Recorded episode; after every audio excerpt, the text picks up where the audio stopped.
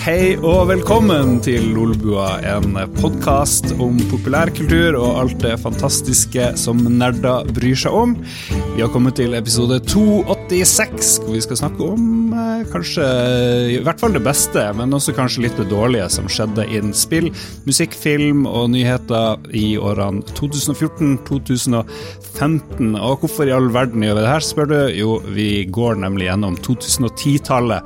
Vi elsker jo å lage lister og rangere ting i Lolbua, så vi griper alle sjanser til det med hud og hår. Med meg i dag så har jeg Lars Ricardo. Med meg en, eh, kanskje de to mest virile menneskene i Lolbua-redaksjonen. Hallo, hallo, Ståle, son of Alec. Hello, hello, hello. Hello. Velkommen på denne cybermandagen. Jo, takk. Føler du deg som en, eh, en Terminator eh, i dag? Jeg kan fortelle såpass at min svoger har, apropos cyber, har uh, forhåndsbestiller og satt seg på liste på Cybertruck, så jeg er i hvert fall noe i retning cyber. Oi, Ja. kult. kult. Og så har vi med oss, og nå har jeg øvd, tror jeg, Philip Maurizio Encitio Tarant Fløgstad. Det er mulig jeg bytter om, men jeg tar det fritt fra Bytta om på Tarant og Encitio, ja, men utover det så var det ganske on point, Lars. Det, smack det er poeng. Det er Philip-poeng til deg. Ja, det er rett fra hukommelsen. Jeg har ikke gått tilbake og hørt, og ikke Så ja, hukommelsen kommer seg. Velkommen, Philip. Hvordan, hvordan har du det? Har du kjøpt eh, Cybertruck eller noe Eh, sånt? er det én ting jeg ikke setter meg på venteliste til, så er nok det Cybertruck. eh, har Mm. eh, heldigvis enn så lenge så mye fornuft igjen at jeg klarer å, klarer å ikke gjøre det. Utover det så er det veldig hyggelig å være tilbake for å snakke litt spill og populærkultur på, på Lolbua. Eh, nå episode 286, så vi skal jo dekke noen år og sånne ting, og mimre litt, og jeg gleder meg til i dag. Vi skal eh, snakke om 2014 og 2015, men før det så må vi ta de her eh, magiske faste spalten hvor vi snakker litt om eh, hva vi har gjort og hva vi har spilt. Og ja, jeg kan røpe at i Harstad og Nord-Norge så er det snowpocalypse, det er ferge som står, det er juletre knakk av vind her i sentrum. Det tar helt av, og det er enorm rasfare. Så det, det har prega de siste dagene her, altså. Har, det, har dere fått liksom den her brutale vinteren enda nede i Oslo, eller kan man gå på ski? Kan dere gå på ski nå i dag? Eh, Jeg har sett et par barn og foreldre som har vært ute og akt, sånn så vidt, men det er, det er, ikke, men det er jo ikke, det er ikke ordentlig snø enda. Vi har fått veldig mye, veldig mye av den kjipe temperaturen, men ikke så mye av den fine snøen enda, så ja. Enn så lenge bare medaljens bakside. Ja, det er liksom det som skiller akkurat utkanten, i og med at jeg ikke bor i sentrum lenger. Fordi Buskerud derimot har, fikk liksom to dager med ganske bra tett med snø, og så la den seg, og så kom kulda. Så jeg var, inne, jeg var innover i Oslo i går, så så jeg hva du mener, Philip. For da var det liksom Da er det bare kulda igjen, og så er det liksom biling, biler og salting som har liksom fjerna det meste. Men her ute er det ganske mye. Men ikke snowpocalypse. Vi har liksom bare Vi har fått den perfekte utgaven der du får snø, og så kulde, sånn at den bare blir liggende. Så det er ganske nice her nå, altså. Jeg så, jeg så på newsen at han Børge Ausland Osland, eh, en av våre polfarere, han var oppe på Nordpolen i nærheten et sted, skulle gå over isen ned til Svalbard og bli redda ut fordi det var blitt så jævlig kjipt. Det var sånn minus 40 og sånt, og når de la seg, de blir aldri varme og greier, så dem, dem har det jo litt verre. Hvem i Lolbua mest sannsynlig skal på sånn polfarertur, tenker dere? Ja, ikke meg, i hvert fall. Ja, Mest sannsynlig ikke. Der stiller jeg høyt, men uh, Ja, Men hvem som mest sannsynlig Christian. Ja, Christian, også Christian tror jeg ja, kanskje. ja, han kunne funnet på å bare gjøre noe sånt. Bare sånn, Å, jeg tenkte det ville være gøy, og Ja, det høres litt ut som han, faktisk. Ja, Det var en kompis også som bare lurte meg med på greiene, og så, og så ble jeg med, da. Men Det høres veldig sånn Christian-aktig ut, og så angrer jeg skikkelig, men på død og liv ikke innrømme det. Nei, kan ikke trekke seg heller, liksom. Philip, eh, du har vært på fest, ser jeg. Oi. Ja, det er litt eh, artig. Jon Cato nevnte det her i hva han har gjort siden sist, i sist uke. Men uh, den uh, Krillbite sitt juleparty som ble arrangert i Oslo, her, det, der var jeg også. Det var, det var artig. Uh, det er alltid litt ålreit å gå på fest på et sted hvor du er sikker på at alle tar liksom nerdereferansene på T-skjorta di. Um, Så det var, det var veldig hyggelig. Det er veldig ålreit at Krillbite De deler jo da disse lokalene sine med, med flere andre norske spillstudio. At de da ja, eh, inviterer litt sånn gene- generelle venner og litt sånn, og bare har en hyggelig, hyggelig aften. Det var veldig ålreit av de, så da koste vi oss. Ja. Et av de selskapene som er i det landskapet, de, de het Artplant før, tror jeg, og nå heter de Toadman. Da, da reagerte jeg litt, hvis jeg husker rett, da, fordi Toadman tror jeg var det dårligste navnet jeg har hørt på et spillselskap. Eh, Kan du bekrefte det her, Philip? At det er det dårligste navnet på et spillselskap noensinne, eller at det faktisk heter det? Jeg tar gjerne begge. begge Ja, gjerne begge. Ja, ja. Det, er, det er ikke høyt der oppe, i hvert fall. Jeg vet ikke helt hva du prøver å signalisere med Toadman, men eh, ja ja, så lenge spillene er bra. Så Det var for så vidt hyggelig, og sånne ting men det jeg kanskje har brukt liksom mer tid på Det er eh, fordi på samme fest så ble jeg tipsa av en veldig hyggelig fyr som heter Erik Fossum, om at eh, noe skikkelig gøy som han har titla de på, det er Farming Simulator e-sport. Wow. Eh, Wow. For det, det er visst en ting. Dette Farming Simulator er jo et spill vi mange kjenner fra forskjellige tidspunkter, holdt jeg på å si. Det er kanskje ikke så mange av oss som spiller det aktivt, men det har jo blitt en, en scene der. Og spesielt da i Tyskland så har det vokst opp en stor e-sport rundt dette her. Så jeg satt tidligere i stad og så på 2019-turneringa fra Gamescom, da, hvor det er liksom tre, tre lag eh, Nei, eller ja, to lag med tre stykker på hvert lag mot hverandre. Dette er kult, liksom. Og det ene laget er liksom De er sponsa av selvfølgelig John Deere. Eh, og, og det er liksom, liksom Fem av lagene ja, det er liksom Krone, Horsch, Trelleborg Så tyske, eh, tyske gårdsmerker og, og sånne ting. Da. De sponser dritten ut av dette her. Tyskere står så sterkt.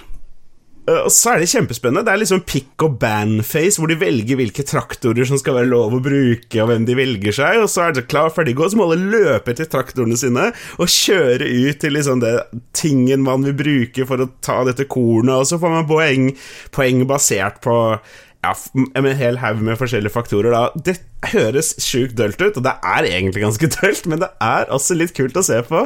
Uh, spesielt når disse her ganske engasjerte kommentatorene utbruker sånn Oh, look at this! Oh, you wouldn't do this in real life, but in this game, anything is possible. Det høres jo dødskult ut, spør du meg. da Come on. Det Det er er- jo skikkelig weird.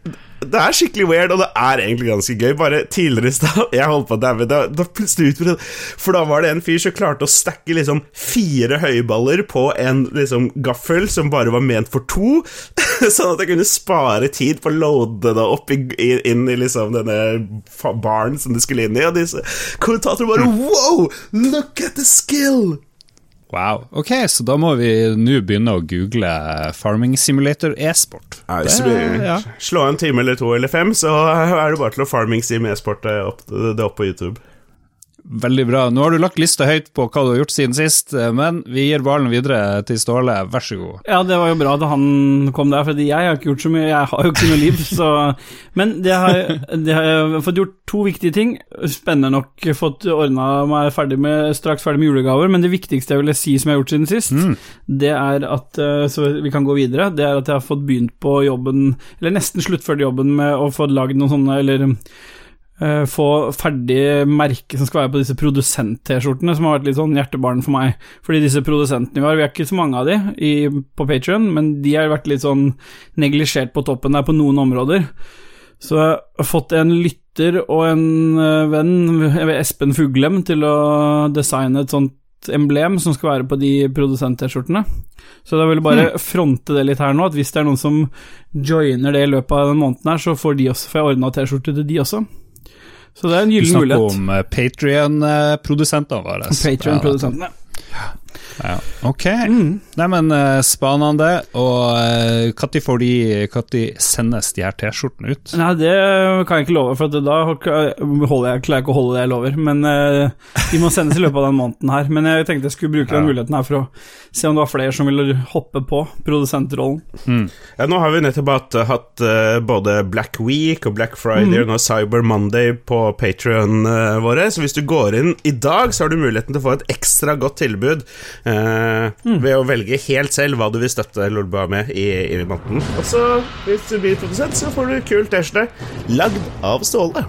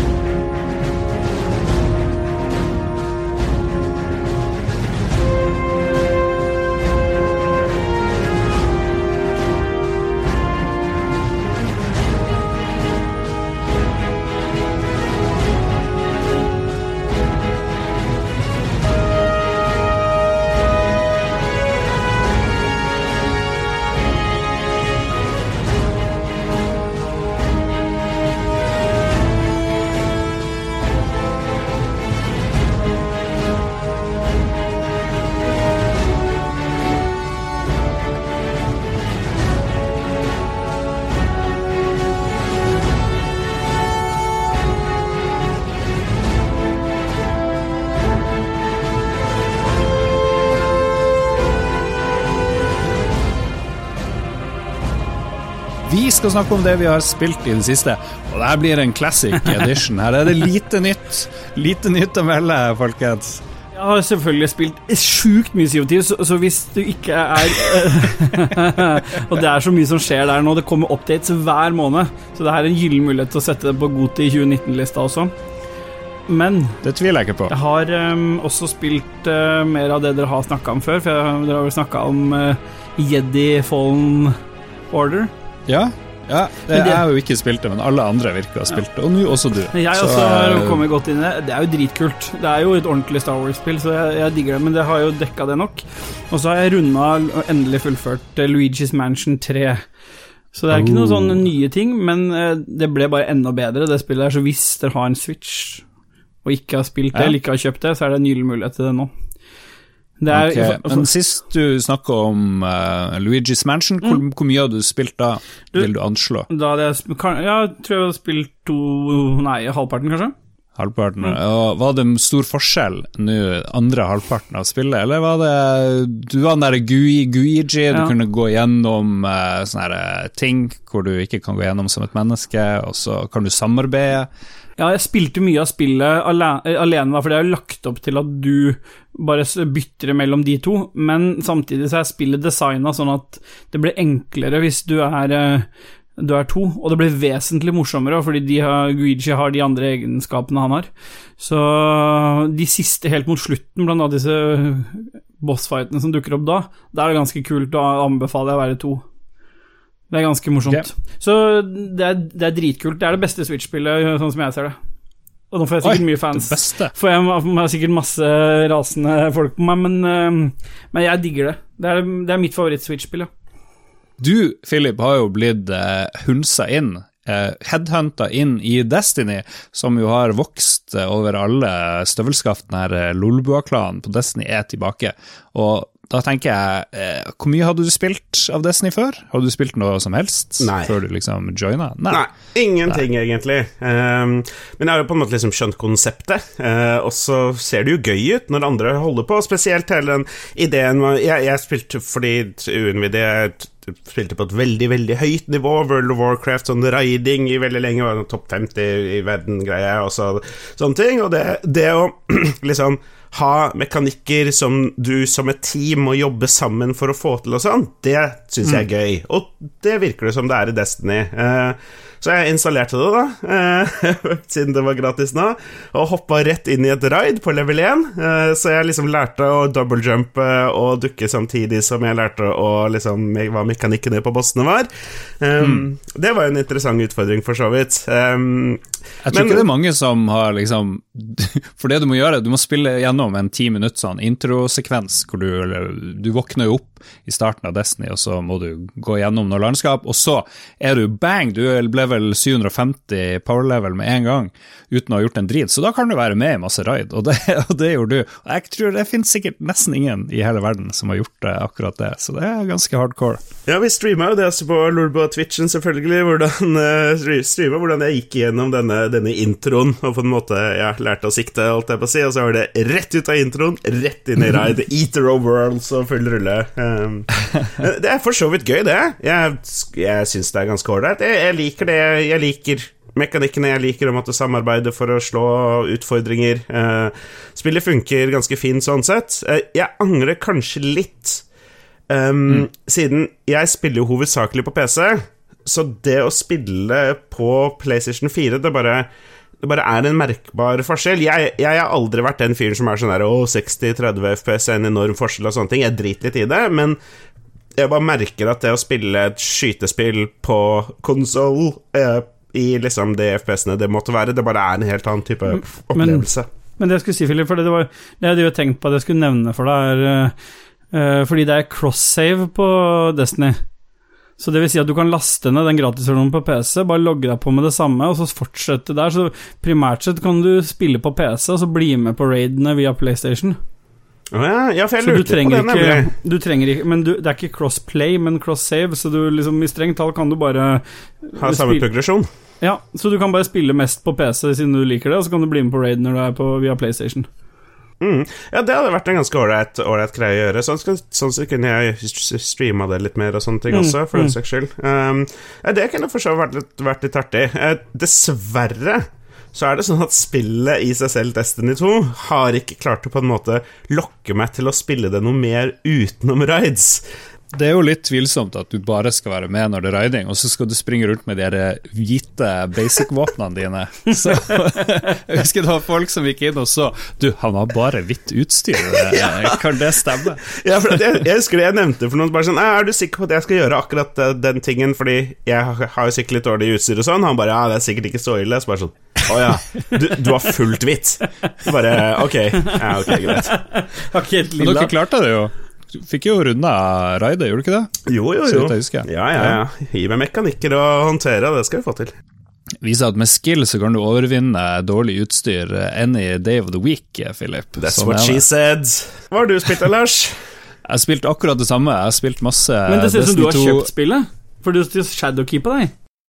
Ja, det er jo en uh, ny uh, expansion, og da får du tilgang til noe våpen og utstyr som Philip mest sannsynlig ikke får. Og jeg syns det er veldig gøy. Jeg springer rundt på månen, månen er tilbake. Uh, masse gamle missions, eller ikke masse, da, men en del gamle missions drar du kjensel på fra Destiny 1. Og det er jo liksom Det er jo der jeg likte meg, trivdes best i Destiny 1, å sitte og grinde i 2000 timer. Det er noe, det er noe gammelt, god gamle nostalgifølelser fra 2014, når kom Disney. Det var kanskje 2014, som vi skal snakke om senere i dag. Så vi, jeg foreslår at vi bare hopper over eh, mine inntrykk av Destiny 2.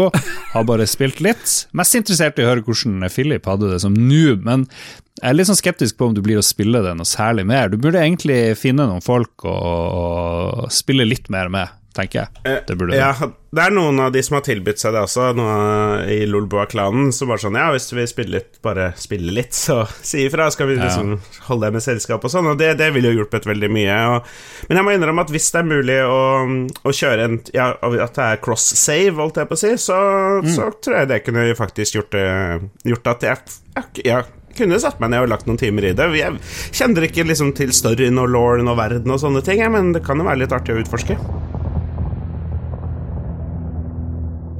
Final report of the commercial starship Nostromo. Third officer reporting. The other members of the crew Kane, Lambert, Parker, Brett, Ash, and Captain Dallas are dead. Cargo and ship destroyed. Vi har kommet frem til året 2014, og vi skal begynne med nyhetsspalte à la 2014. Og hvem er det som har ansvar for det i vår eh, svært kompetente redaksjon? Det er spesialkorrespondent eh, Philip Haurise og Trond Sisse Fløgstad som skal dekke nyhetene fra 2014 og 2015. Valgte å gjøre det på norsk denne gangen. Um, ja. for vi har jo denne opprulleringa av det siste tiåret her i Lollebua som en eh, veldig vakker føljetong. Ja, den, er jo, den fortsetter å rulle denne uka her, med, hvor vi da starter med 2014. Og n Yes. nyhetsbildet fra det året. 1. januar. Marihuana blir lovlig i Colorado! Uhuhu, det var jo en gledesdag for oss alle fra Lambertseter. Var det den første staten i USA hvor det ble lovlig, eller hvordan funker det? Ja, i hvert fall til den type bruk, tror jeg, holdt jeg på å si. Eh, okay. Det er vel litt sånn forskjellige regler i noen av de forskjellige statene, men jeg, ja, så vidt jeg har skjønt Ja. Apropos eh, ikke plage andre, hva skjedde 7. til 23. Ja, februar? jeg skulle til å si apropos doping, jeg, men eh, fra 7. til 22. februar, OL i Russland. Jeg husker ikke så mye fra det OL, egentlig. Det var sikkert mange folk som gikk på ski og var flinke. Det var i hvert fall det OL-et hvor de hadde sånn egen dopingbu som med sånn vegger, løse vegger, så de kunne bare bytte inn og ut urin og sånn der Ja, for å liksom jukse. Så det var Det er bra. det, Russland er jo helt galskap. Ja, det er bra. Det er jo det. Ja, det var jo nok av bare eh, diskusjonen rundt at de, at de fikk lov til å ha OL i det hele tatt, men eh, ja, ja, det gikk jo for seg. Eh, Men så ser vi, apropos, du var jo inne på det Den 22. februar så var det en liten, rolig og fredelig demokratisk prosess i Ukraina, hvor eh, presidenten blir avsatt, en ny blir stemt inn, og den tidligere fengslede statsministeren slipper ut. Eh, Ja ja, vi får jo håpe at ikke noe dramatisk skjer med det første, da. 28. februar! Russiske styrker går inn i Ukraina og tar kontroll over Krimhalvøya. Det viser jo at Russland må aldri få OL igjen, for da bare invaderer de et eller annet land. Sånn går det. Det tar de som et frikort, ja. De gjør det egentlig bare for å ha muligheten til å ha OL flere ganger. For at, ikke sant? Hvis du har flere land og kontroll over flere land, så er muligheten for å få OL på nytt igjen større. Så jeg tror nok det er bare OL-relatert, altså. Ja. Det meste er det. Ja. Eh, bare en måned senere da, så skal jo alt bli mye bedre, selvfølgelig. Da vår mann Jens Stoltenberg tar over som generalsekretær i Nato. Er vi fornøyd med det? Har det paid off, liksom? Jeg føler ikke at Norge er noen stormakt, eh, selv om Jens Stoltenberg er generalsekretær i Nato. Det virker som Nato ikke er så eh, Jeg vet ikke, hva kan de gjøre, liksom? Jeg syns Nato bør bare invadere et litt tilfeldig ja, bare for å vise makta si, ja. Ja, Det er litt det jeg tenker også, siden liksom, det ble sånn sånn Ja, hva er det Nato gjør? Vi- ser jo ikke noe til det. Ja, hva er det hva vi forventer at de skal gjøre, da? vi, vi, vi vil jo helst ikke se noe aktivitet fra de, holdt jeg på si, så det at de ikke har noe å gjøre, er kanskje litt Da gjør de kanskje jobben sin, hva vet jeg. Invadere Sveits, eksempel. Er de med i Nato? Litt usikker. Hvis de ikke er med, så invaderer vi dem. Ja, jeg syns kanskje det er bare for å vise at han har litt baller. Han kan gjøre noe. Nato fortsatt har en rolle i verden. Siste han gjør Ja. et par uker før han går av, bare sende noen Nato-styrker inn en plass, ja. Mhm, Husker dere meg? Nice. Mm.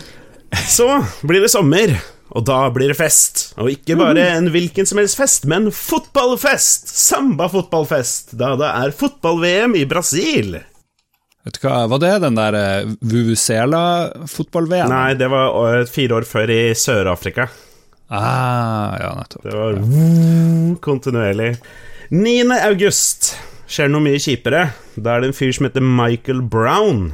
Han blir skutt av politiet i USA, og det er starten på Black Lives Matter-bevegelsen. Ah, ok. Mm. Blei jo en svær greie der borte. Eh, Ja, det, det, det var jo en fornuftig bevegelse, men jeg vet ikke om det har hjulpet så mye. Gjør det det? Driver de ikke og skyter svarte fremdeles, de er politiet?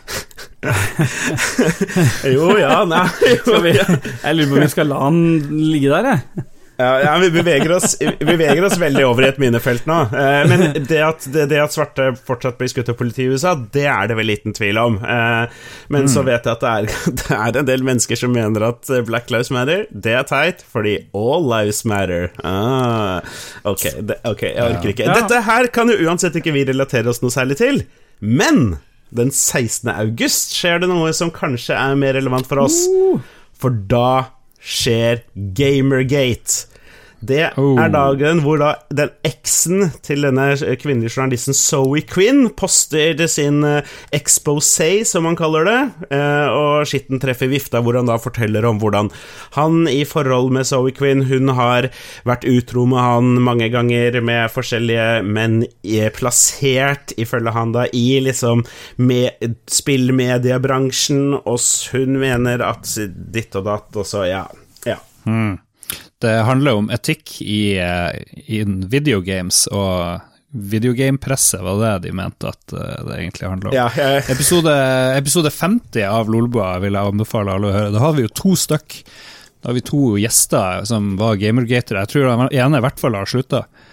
Ja, riktig. Ja, det var en eh, Det, det er en ålreit episode, faktisk. Jeg husker denne, det hele Gamergate-greiene er liksom Nei, jeg, vet Ja, det- Ja.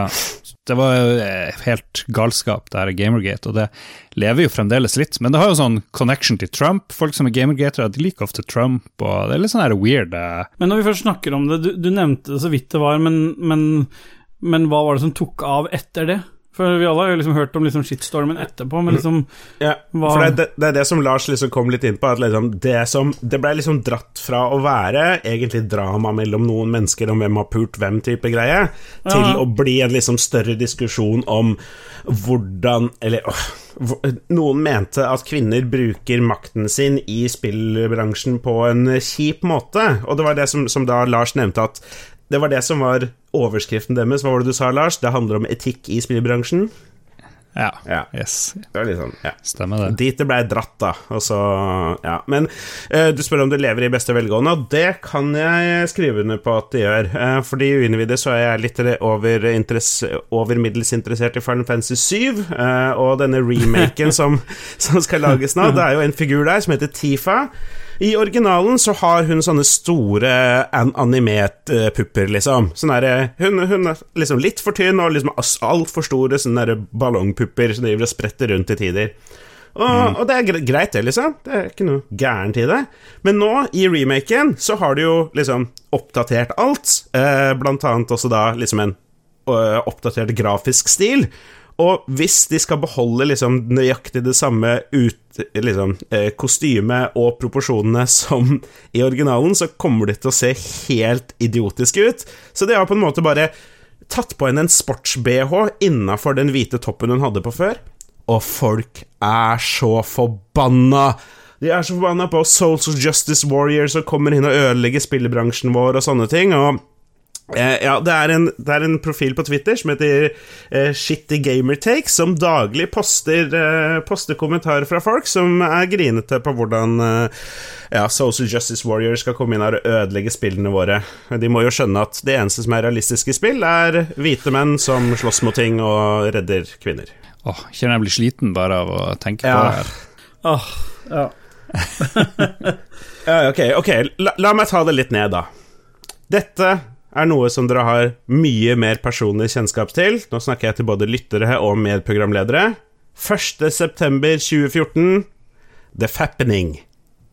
Eller Celebgate, som den også ble kalt da. Da var det x antall iCloud-kontoer eller et eller annet sånt som ble ah. hacka, og så var det en haug av de mest kjente, kjente damene, skuespillerne, artistene i verden, som da fikk nakenbildene sine spredd utover det herlige internettet. Men er det ikke rart, når du er så kjent og har masse nakenbilder av seg selv, og fortsatt tenke at nei, det der skjer ikke meg? Jeg snakker om menn og damer, og jeg kaster en brannfakkel, men hvis du på død og liv har bilder av deg sjøl naken på din telefon, da er det litt sånn eh, Da står du litt og Da er det litt din egen skyld òg, når du først blir hacka. Hva gjør du med dine? Ja, i mine ja, okay, bare, bare last. Det er jo ikke, det, men unnskyld meg, det er jo ikke din egen skyld Nei. hvis noen bryter seg inn i din eiendom. Det, det er litt misforstått. Ja. Nei, men, men si. hva, nei. Det er som å si at nei, du skal ikke ha et eller annet i huset ditt. Det er jo din eiendom. Det er noen som begår en kriminell handling. Vi skal jo ikke skylde på ofrene her. Mm. Nei, nei, jeg for så vidt. Ja. Nei, det var vel Jennifer Lawrence som takla det ganske bra ved å gå ut og på en måte var ikke grinte på noen eller liksom noe sånt nå. Tok liksom Tok liksom grei selvkritikk, ok, men først og fremst så er hun ute etter liksom at Ok, det er folk der ute som driver og bryter seg inn i andre menneskers iCloud-kontoer, og det bare er ikke kult. Og det er det for så vidt ikke. Var det nyhetsåret 2014? Eh, helt til sist så må vi jo dra stemninga litt opp igjen med, med, med, å veie det norske flagget høyt. For den 6. oktober så deles ut mm. Nobelprisen i medisin til det norske oh. paret May-Britt og Edvard Moser. Husker dere det? Mm. De hadde jo noe sånn hjerneforskning på noe, på noe, mus eller noe rotter eller noe sånt noe. Det handla om hukommelse i forhold til stedsgjenkjenning. Det var jo der, der de hadde vist hvordan vi kan lage eh, kart i vårt eget hode av veier som vi på en måte har blitt utsatt for, sånn at vi kan liksom De klarte å vise til at det er derfor vi kan kjenne oss igjen og finne veien, egentlig uten å ha kart. Ja de siste episodene så har vi også fått med hvem som vant Nobelprisen, eh, fredsprisen. da. Og jeg ser nå her, jeg måtte ta en kjapp sjekk, eh, og det er jo selvfølgelig jo Malala Yousafzai. Hun fikk den sammen med en dude som ingen husker. Var det noe, hva var det for noe minerydding? Nei. Hva? Nei, Malala er jo her eh, som blir skutt. Ja. Nei, det er skal vi se, undertrykkelse av barn og retten til uh, unge barn til å få utdannelse. Ja, okay. begrunnelsen. Ka, Kailash Satyarti heter han andre fyren. Ingen kommer noen gang til å huske han. Nei, det er nettopp det. Det var nye nyhetsåret 2014. Yes. Det er ikke bare nyhetene i 2014 og spillene vi skal se på, og det kommer jo etter hvert. Men først, film og musikk, mm. Ståle. Hva var det nå i det hele tatt ja. å nevne der? Musikk så har jeg liksom tatt for meg litt sånn de låtene og artistene som var liksom store da. Jeg har tatt en sånn eh, De som lå på topp, eh, topplista, det er jo de 100 beste. Jeg har ikke tatt med alle 100, men jeg har henta lista derfra. Så okay. Eh, på førsteplass, den mest populære låta i 2014, det var 'Happy' med Pharrell Williams, som sikkert mange har fått, mm. på, fått på hjernen, og som sikkert får det nå også. Uh, andreplassen var 'Rather Be' med 'Clean Bandit' feature Jess Glynn. Hæ? Ja, ja, men, nei, nei, men dette, er, eh, dette var det som var på, på verdenslista. 'All of Me' med John Leg Legend. Waves Wave, nei, Waves med Mr. Probes. Han uh, Det høres litt suspekt ut. Dette bare finner du på. Nei, nei, nei, Jeg har aldri hørt om noen av disse låtene. Uh, nummer Har du ikke hørt om John Legend? Jo, men ikke den låta. Um, all of Me. Mm, ja. I give you all of me. Ja. Uh, Ed Sheeran var på femte med Thinking Out Loud. Nei. Nei vel. Uh, Sam Smith med Stay With Me. Dette er jo kjente Nei. artister. Um, Ed Sheeran er lenger ned på lista. Jeg bare blar fort igjen. Og Taylor Swift med Shake It Off. Ja, den er Taylor Swift. Hvorfor er ikke den øverst? Det var Nei, det er ikke, um, den var jo kjent. Calvin Harris med Summer. Nico Vince med I'm Wrong. Am I Wrong, mener jeg? Yes. og Calvin Harris feature John Newman er der. Uh, Jesse, Sam Smith Ja, jeg blar ah, videre. Okay, ja. ja. Men ikke vær så optimistisk nå, Lars. Ja, jeg, jeg, er mer skuffa over musikkåret 2014, som åpenbart bare produserte dritt. ja, ja, nå har jeg jo tatt liksom det nyeste. Det er sikkert noen retroartister og noe, noe, black metal og noe sjangre der som jeg har ikke gått sjangerbasert. Ja, det er jo håpløst. Det går, det går ikke an å gå på Spotify og så velger du topp 100 verden. Da får du jo bare sånn jalla drit som du ikke gidder å høre på uansett. Ok, men dette er iallfall de Am I wrong? Ja, meste av disse låtene har jeg hørt, da. Det er veldig Hver gang jeg får en oppgave, Lars, så, ja. så, er det mye kritikk og ute til dem. Uh, men jeg, ja, jeg fortsetter. Jeg kommer ikke med kritikk til deg, jeg kommer med kritikk av musikkåret 2014. Så er det film. Ja. Det brukte å være dårlig, mye dårlig, men jeg klarte å bli eh, positivt overraska. Ja, er du klar? Ja, for du, du, kommer nemlig til å bli det i 2014. Fordi eh, 2014 ga på filmen eh, Whiplash ja, den likte jeg. Boyhood. Uh, Birdman okay. med um, Michael Keaton. Den er som er filma i én take. Ja. ja. Den er ganske shit, egentlig. Bare la oss si det. Ja. Ja. Nightcrawler, Gone Girl Den er veldig kul. Beklager, det er kanskje ikke meninga at du ikke at jeg skal kommentere hver eneste film. Hvis vi skal gjennom 2015 nå, så må vi liksom ha litt Men jeg kommer til hvorfor jeg tror du liker 2014. Hold, hold deg fast, uh, Lars. Under the Skin, Foxcatcher, in, Inherent Vice og Lars her er, her er pølsa i rosinen, som jeg aldri har skjønt hvorfor man sier, for det er jo aldri noe rosin Rosin i pølse. I pølse? Nei, men John Wick oh. er 2014-film.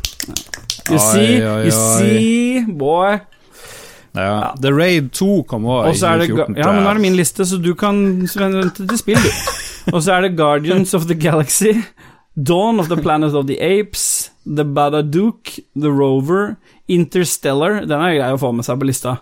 22 Jump Street, American Sniper, Cap Captain America, The Winter Soldier, X-Men, uh, Days of Future Past Det er ganske mange filmer som kom i 2014, ser du. Edge mm. of Tomorrow, jeg tror vi lar det ligge der, for jeg kan bla uh, mer. Ja. ja, Edge of Tomorrow, det er den eh, dødskule Tom Cruise-filmen? Ja, ja, ja, mm. den er konge. Det er jo, det er jo toppfilmen nesten i uh, Så der hvor musikken svikter deg, Lars, er filmindustrien mm. på plass. Ja, det var ålreit ja. filmår. Ålreit kinoår. Bra, bra år å dra på kino på. Og så har jeg jo en ja. siste ting som jeg ikke fikk beskjed om å hente opp, men jeg gjorde det likevel, fordi jeg er jo engasjert. Så Voksenfilm 2014 Der har vi også noen titler som gjorde det bra det året, og det er greit å få det med. Eh, det var blant annet storfilmen Wetwork, Apocalypse X, Aftermath, Squatter. Det er de som ligger på toppen det året, da, hva gjelder voksenfilm. Ja. Har du sett de filmene? Eh, nei, Apocalypse X har jeg sett. Nei, jeg har ikke det. Jeg skulle til å spørre om handlinga, men Nei, det er eh, jo apokaly- apokalypsen, da, eh, i seksualform.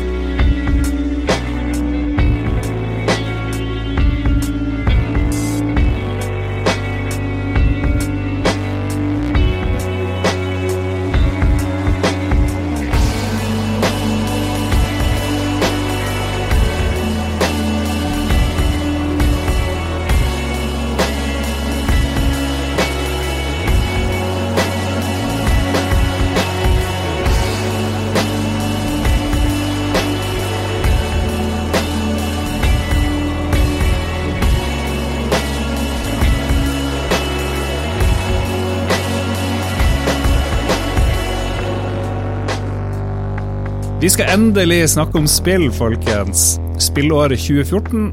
Er det bra, er det dårlig? Det skal vi dykke inn i nå når vi går gjennom eh, året måned til måned. Januar er stort sett et litt kjipt, eh, en kjip eh, måned for spill. Det kommer ut veldig lite, for alle har liksom pøst ut før jul, de store selgerne, og sånn var det kanskje også i 2014. Needhog er fantastisk toplayer, veldig 8-bits eh, kampspill. Eh, Du springer rundt med sverd og skal stabbe ned den andre, så prøv det hvis du ikke har gjort det. Broken Age eh, kom ut. Det var jo delt opp i flere biter. Et av de, de første store kickstarter-suksessene. Octodad Deadliest Catch, også et veldig lite spill, kom. Og så skjedde også den måneden at Microsoft kjøper Gears of War fra Epic. Februar eh, begynte å ta seg litt opp. Thief var en stortittel som kom ut, det forsvant ganske fort. Ja, Det var fordi det var ganske dårlig spill.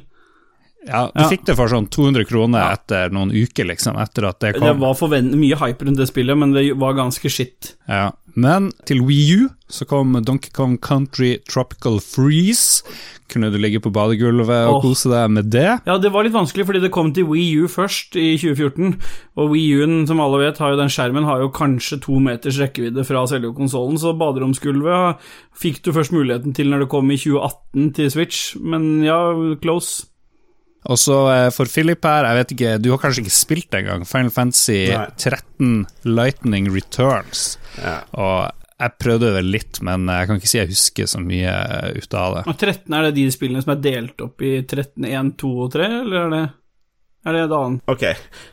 Nei, jeg orker ikke Du, har litt, du kan ja, litt allikevel, skjønner du. Jeg orker ikke ta hele greia, liksom, men det var sånn Jeg, jeg husker jeg husker det ble annonsert at Final Fantasy 13 skulle komme i Final Fantasy 13, Final Fantasy 13 Versus og Final Fantasy 13 et eller annet annen undertittel. Og så kom etter hvert Final Fantasy 13 og blei det det blei, og så blei de andre titlene til liksom nye titler.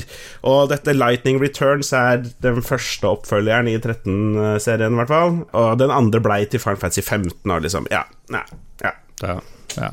Jeg skjønner. Og til slutt så har jeg nevnt Threes, som eh, Det var fremdeles stort å spille på mobilen i 20, 2014. Da var det mye, mye IOS og Android action. Men Threes funka bra, sånn puslespill. Det så er, det kan du laste ja, ned det er faktisk Det er fortsatt kult. Det er det der du skal lage tre og tre, og sånn tregangen. Ja, Ja, det er, stemmer det. det er, men det er, jeg, det er en av de spillene jeg har faktisk liggende på telefonen ennå, som jeg sånn Eller ikke jeg kjeder meg skikkelig, så er det det jeg henter fram. Det er litt sånn kult òg, det. Ja.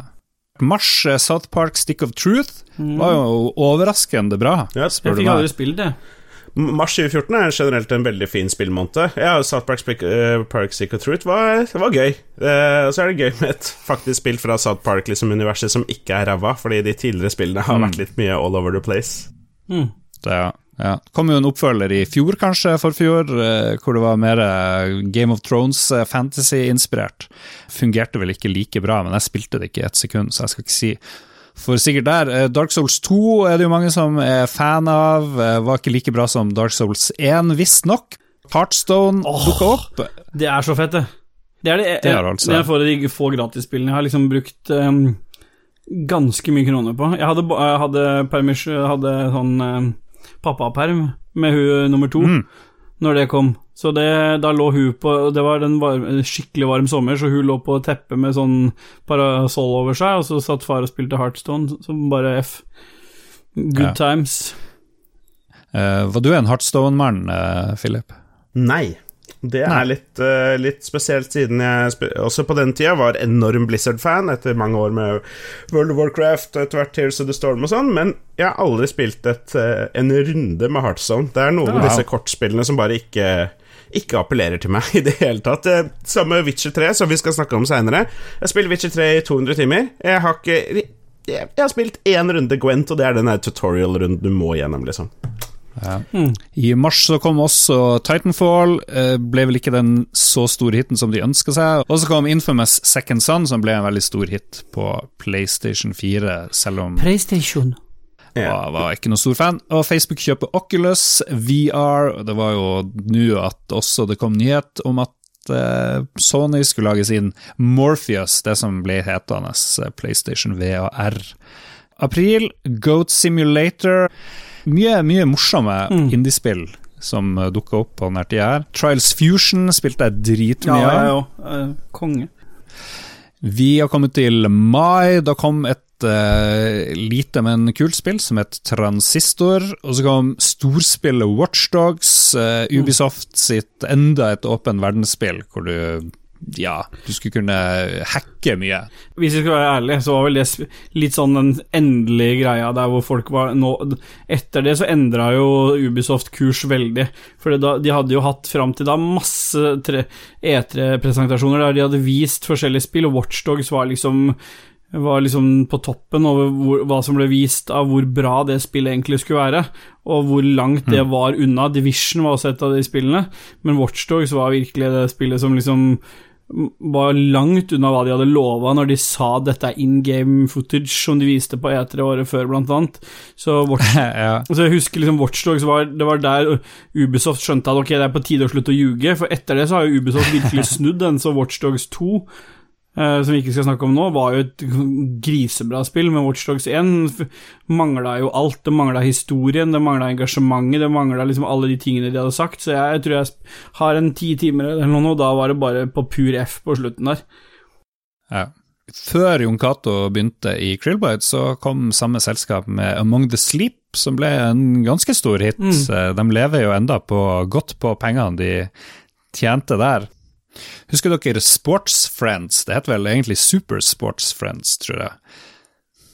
Jeg, jeg lurte på litt hvorfor det sto på lista. Jeg har aldri hørt om Det Det er det. spillet som besto av fire minispill, blant annet noe sånn her eh, hvor du springer rundt med de der eh, lyskontrollerne, som var jo en sånn stor Move, oh, PlayStation Så ser det ut som noe helt annet. Du måtte holde de veldig rolig, enten den der Move-kontrolleren eller bare en vanlig kontroller, og så skal du gå bort og skyve på andre, og få dem til å dette over, eller riste veldig på sin kontroller, og det var veldig gøy. Så plutselig begynte jo folk å hive ting de fant i stua på deg og sånn, og det tok jo helt av. Men det var en veldig, veldig bra eh, samling av sånne små indie-greier. Alle hadde et sportstema, da, eh, og det funka, funka ganske bra, faktisk. Og så kom Mario Kart 8, som alltid egentlig slår an, selvfølgelig. Og det er det beste i serien, da. Så det er ikke så rart til. Juni Jeg har bare notert Shovel Knight, men eh, det var mange som likte det. Det var en ganske laber eh, spillmåned etter det jeg kunne se. Sykt bra musikk. Litt for sånn pikselperfekt eh, hoppe Det er jo sånn Megaman-aktig greie, det der. Juli, også litt uh, cheesy. Par remakes. Oddworld New and Tasty en ganske gammel PlayStation 1-klassiker. Og så kom The Last of Us Remastered, som jo mange spilte. Og det snakka jeg en del om i forrige sending, faktisk. Mm. Ja, okay. Nei, jeg måtte bare sjekke ut The New and Tasty, for det er Oddworlds Abes Odyssey som ble utgitt på nytt. Ja. Riktig, bare Ja, ok. August, Five Nights at Freddy's og PT. Begge er horrorting. PT står jo for Playable Teaser, tror jeg, og det var jo Metal Gear Solid-skaperen og Guillermo del Toro som gikk sammen for å lage et sånt uh, Silent Hill-aktig Det var vel egentlig oppfølgeren til Silent Hill, det er jo Konami, det òg. Det var da uh, Hideo Kojima fremdeles jobba for Konami. De ble jo senere uvenner, og spillet ble kansellert, men demoen var ganske legendarisk. Du gikk bare rundt i en gang og hadde et spøkelse i nærheten, og så skulle du liksom prøve å lokke frem det her spøkelset. Du gikk rundt og åpna dører og snudde deg rundt, og nei, faen, det er klart. mm, Det er uh, jeg, jeg klarte ikke å spille den ferdig engang. Jeg er så dårlig på skrekkspill at det er helt sjukt. det var ganske mye skrekk i uh, Altså De dørene som sto på gløtt, og bilder og i speilet der, og så snur du deg rundt, og nei, fy faen. Dette her høres ut som et eh, tema for Ståle solostream i romjula. Ok, og i samme måned, august 2014, Amazon kjøpte Twitch, hvor mange av dere ser på oss eh, nå. September, Sims 4 dukka opp, men eh, kanskje Oi, oi, det største oi. spillet i hele verden kom også denne måneden. Destiny, Destiny fra Bungie. Det var originalen på PlayStation 4. Og 3. Og Xbox 360. Hæ? Kom det ut, kom det ut på PlayStation Ja. 3 og 4 og 360 på en gang? PS3, ja. Xbox 360 Ja, fordi litt av greia var at den siste patchen, eller den siste updaten som kom til uh, Destiny 1, som var den uh, Wrath of the Machine, den, det var den, også den første i serien som bare kom til nyere generasjoner. Så hvis du hadde en PS3 eller en 360, så fikk du ikke hele sagaen ferdig der. Du måtte liksom oppgradere. Stemmer det. Mm.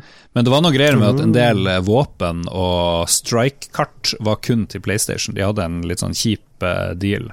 Men det at Destiny på et eller annet tidspunkt var Sony-eksklusivt, det er bare noe jeg har funnet på. det hadde eksklusiv content, så det var vel heller, heller det. Det var ganske mye sånn elementær content, og det var liksom flere strikes og våpen og sånn, sånn som gjorde det ganske Hvis du ville spille det beste versjonen av Destiny, så var nok det på PlayStation.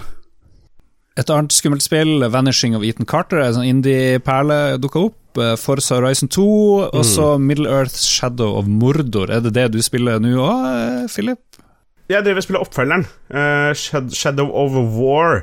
Eh, men ja, det er jo litt, Ja. litt mye samme greia. Jeg tror ikke det er noe vits i å spille Shadow of Mordor på nytt igjen nå, siden Shadow of War koster en hundrelapp, men eh, ja, gode spill. Og så selvfølgelig uh, shout-out til Christian for Forza Horizon 2. Oktober, Alien Isolation. Det prøvde jeg meg på for noen måneder siden. Jeg spilte bare et par timer av det.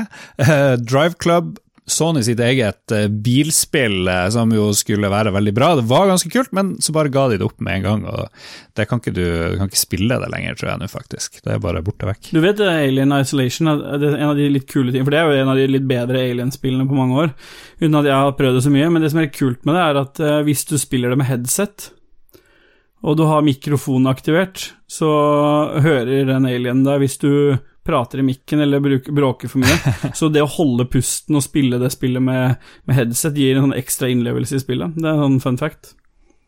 Det er en fun fact. Borderlands The Pre-Sequel kom. eh, Jeg husker det best for musikken. En som heter Jesper Kydd eh, skrev eh, musikken der. En danske var ganske bra. Dreamfall Chapters, første episoden av det norske Drømmefall-kapitlet, det heter sikkert her. Ragnar Tørnquist og gjengen. Red Thread Games var tilbake. Sunset Overdrive fikk mye bra kritikk, og så kom Bajonetta 2, som kanskje er en uh, Philip-favoritt, muligens. Jeg er glad i, glad i de sprø greiene. Uh, gi meg noe japansk over the top action, liksom. Og Bajonetta er eh, Det er veldig opp min gate. Bajonetta 2 hadde vel ikke eksistert uten Nintendo heller, for det er jo hele toeren er finansiert av Nintendo, hvis det er lov å si. Det er lov å si. November, Call of Duty Advanced Warfare. Husker ingenting av det. Aner ikke hvordan det var. Og sikkert noe skyting. Sikkert noe skyting. Binding of Isaac Rebirth eh, må vi jo nesten bare nevne. Ja, Vegard Melden, ja. Ja, eh, Assassin's Creed Unity. Husker ingenting av det. Halo Master Chief Collection var vel en hit for noen. Jeg husker det var mye bugs der, da. Det var, det var mye, mye weird. Det var da jeg fremdeles hadde min Xbox One oppe å gå. Mm. Det gikk jo fort over. Eh, Det tok nesten et år å fikse alle de bugsene. Spesielt knytta opp mot at de markedsførte at alle disse her eh, eh, online-funksjonene skulle være på plass, og spesielt da PVP-delen. Og det var helt eh, katastrofe hvor mye feil det var i den der. Så det var som sagt nesten, Mm. nesten et år før alt var liksom noenlunde på stell, da. Det. Dragon Age Inquisition, var det mange som spilte det? Ja, det likte jeg Eller likte jeg det? Nå ble jeg er, vent, hvilke av det Jeg husker ikke hvilke av Dragon Age-spillene det var, for å være helt ærlig. Det er vel det siste Dragon Age som kom, var det ikke det? Er det da tre Nummer tre eller nummer to? Ja, det tredje spillet. Ja, det er riktig. Det er nummer to som jeg syns var svakt. Det var litt uh, kjipt. Men uh, treeren, det var ålreit nok. Jeg liker jo liksom Gi meg liksom multiple choice og satt i fantasyverden og alver og dverger og sånne ting, og jeg svelger det rått. Ja. GTA 5, har det holdt seg bra? Kom det i 2014? Vet du hva, det kom i 2013, så det har snekket seg inn. Jeg tror det her er remaken, ja, for det kom en sånn PS4-versjon. Det ble lansert til PS3, Xbox 360, og så kom det en remaster. Mm, det er nok det. Det kom en sånn first person view, du kunne springe rundt og se handlinga gjennom eh, hodet til folk. Så det ble sånn FPS, nesten. Det var litt Det, gøy. det var nytt for PC, ja, det stemmer. Eh, ellers kan jeg nevne at det, det, har holdt seg, det har holdt seg kjempebra. Eh, kjæresten min driver og spiller det en gang iblant på PC-en min, og liksom Ja, jazze jazz opp alt til maks, liksom, og det ser helt sjukt bra ut, og det er gøy. Far Cry 4, Little Big Planet 3 og så Super Smash Super Smash Bros. Uh, Wii U. Desember, The Crew, Captain Toad Treasure Tracker og Elite Dangerous, som jo eh, fremdeles spilles mye av annet Jon Cato vet jeg. Har holdt seg bra. Hvis dere skal velge liksom topp eh, topp favorittspillet her, dere får bare velge ett fra 2014. Hva har holdt seg best Ja. i dag, hvis du må spille noe i dag, liksom? Ja, hvis jeg et av disse spillene ja, Ok, hvis, hvis GTA 5 gjelder, så ville jeg spilt GTA 5 antakeligvis. Så har enormt mye innhold og holder seg bra, holdt jeg på å si. Eh, men både Binding of Isaac og The Vanishing of Ethan Carter er jo den type perler, liksom de litt mindre indie-spillene som Uavhengig av på en måte hardware ser skikkelig bra ut fordi det er designa så kult, og er på en måte veldig ålreite historier. Ja. Uh, uh, sånn sett. Litt blir penne Tre var litt skuffende. Ja, det var det.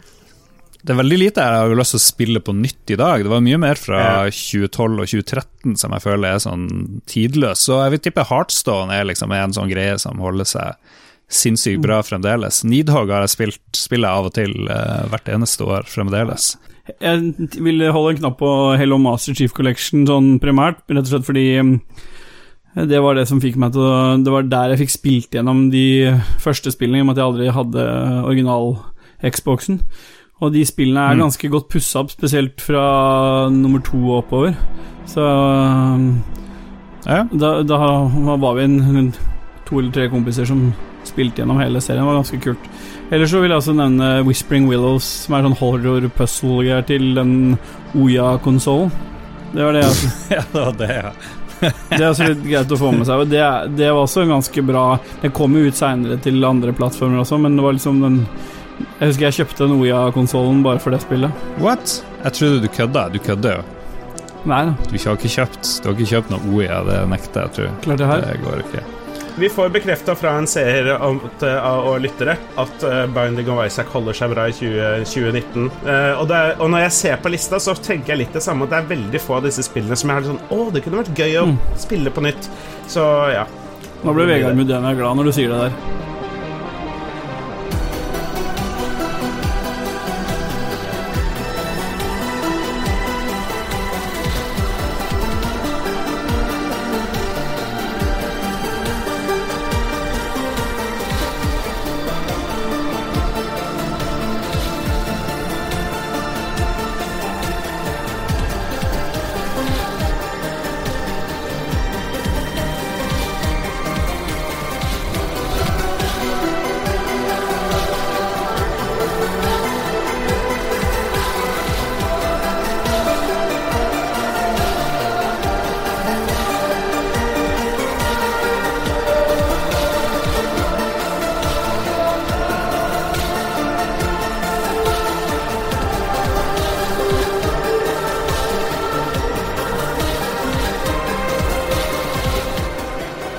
2014, kanskje ikke det største spillåret, selv om det hadde veldig mye bra, da, men om de holdt seg i dag yes.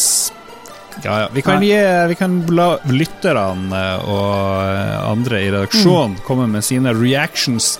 Eh, tar du eh, Mats Ståle, hva han eh, sier for noe? Ja, han øhm, nevner Titanfall, Divinity Original Sin, Legend of Grimrock 2. Legend of Grimrock 2 aner jeg ikke hva jeg aldri Han har snakka om det, men eh, I don't know, man. Jeg liker jo The, The, The Winter Religion sin 2 veldig godt, men dette første spilte jeg aldri, så jeg veit ikke. Og Titanfall eh, er ikke opp min gate. Sorry, Mats. Ja. Kan eh, Philip få lov å fortsette? Ja, ruller vi litt fram på, men Inger Emilie Solheim fast bidragsyter, som har bare ett ord til oss, bestående av to. Goat. Goat Simulator. Det er bra humor. Eh, Torbjørn Prøyskau, vår eh, husarkeolog, eh, han går for Alien Isolation. Nydelig og terroriserende. Og Roar Granevang han øh, nevner Among the Sleep for Life, men ellers så blir det Shovel Night, også meget mye spilt, sier han. Jeg er enig med Among the Sleep. Spørsmålet er om han smisker Ja. eller om han mener det. Ja, det er vanskelig å si. Det, aldri, aldri, det kan man aldri finne ut. Vi tar det imot uansett. Uh, og endelig så er det noen som nevner World of Warcraft Warlords of Draenor, som hadde en uh, utgivelse som kom i jeg vet ikke, august-september eller noe sånt nå det året.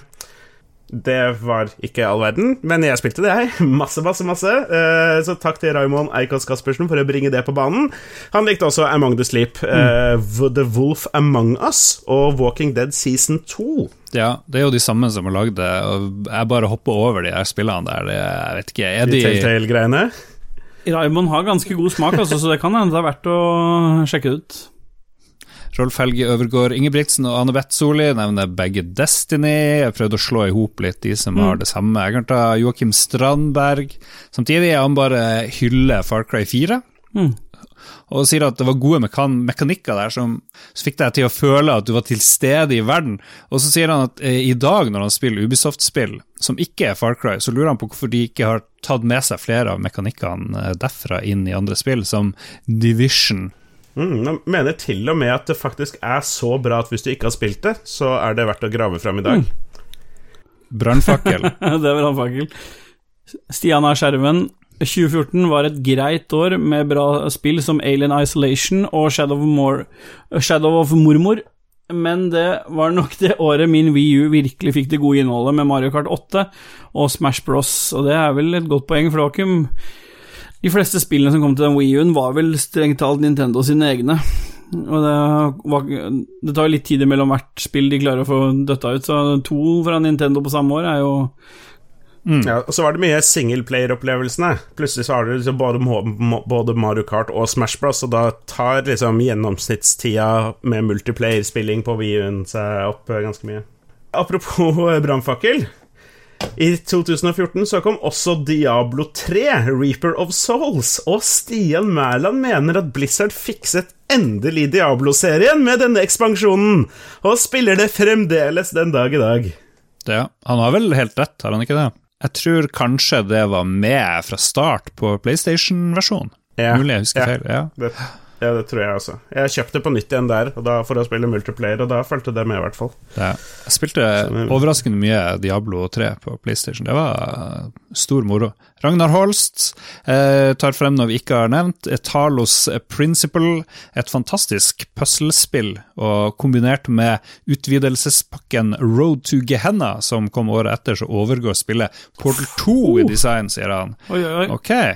Bra historie, utfordrende og interessante gåter, så jeg må faktisk sjekke det her Talos Principle, fordi Portal 2 er jo kanskje mitt favorittspill eh, of all times. Er det det? Jøss. Ja, Det er veldig, veldig bra, da. da kan du få avslutte med han Helge, Ståle. Ja, men da gjør jeg det. Helge øh, Larsen, er det Rolf Helge? Nei. Nei, jeg tror ikke det. Nei. Nei. 2014 var det året da Vesten endelig skulle få oppleve Danganrumpa. Danganrumpa, ja, stemmer det. Det første ble lansert tidlig på året, mens det andre kom på høsten. Danganronpa-spillene er de eneste spillene i dette tiåret som har klart å gi meg frysninger pga. sin groteske historie, kombinert med et guffent soundtrack. Eh, Danganronpa, er ikke det, det Magnus snakka så mye om han spilte på Vita? Mm, Ja, ja. hvis jeg husker det. du, er, du er masse skoleelever fanga i en, Ja, ja, stemmer det, eh, i en sånn high school-greie.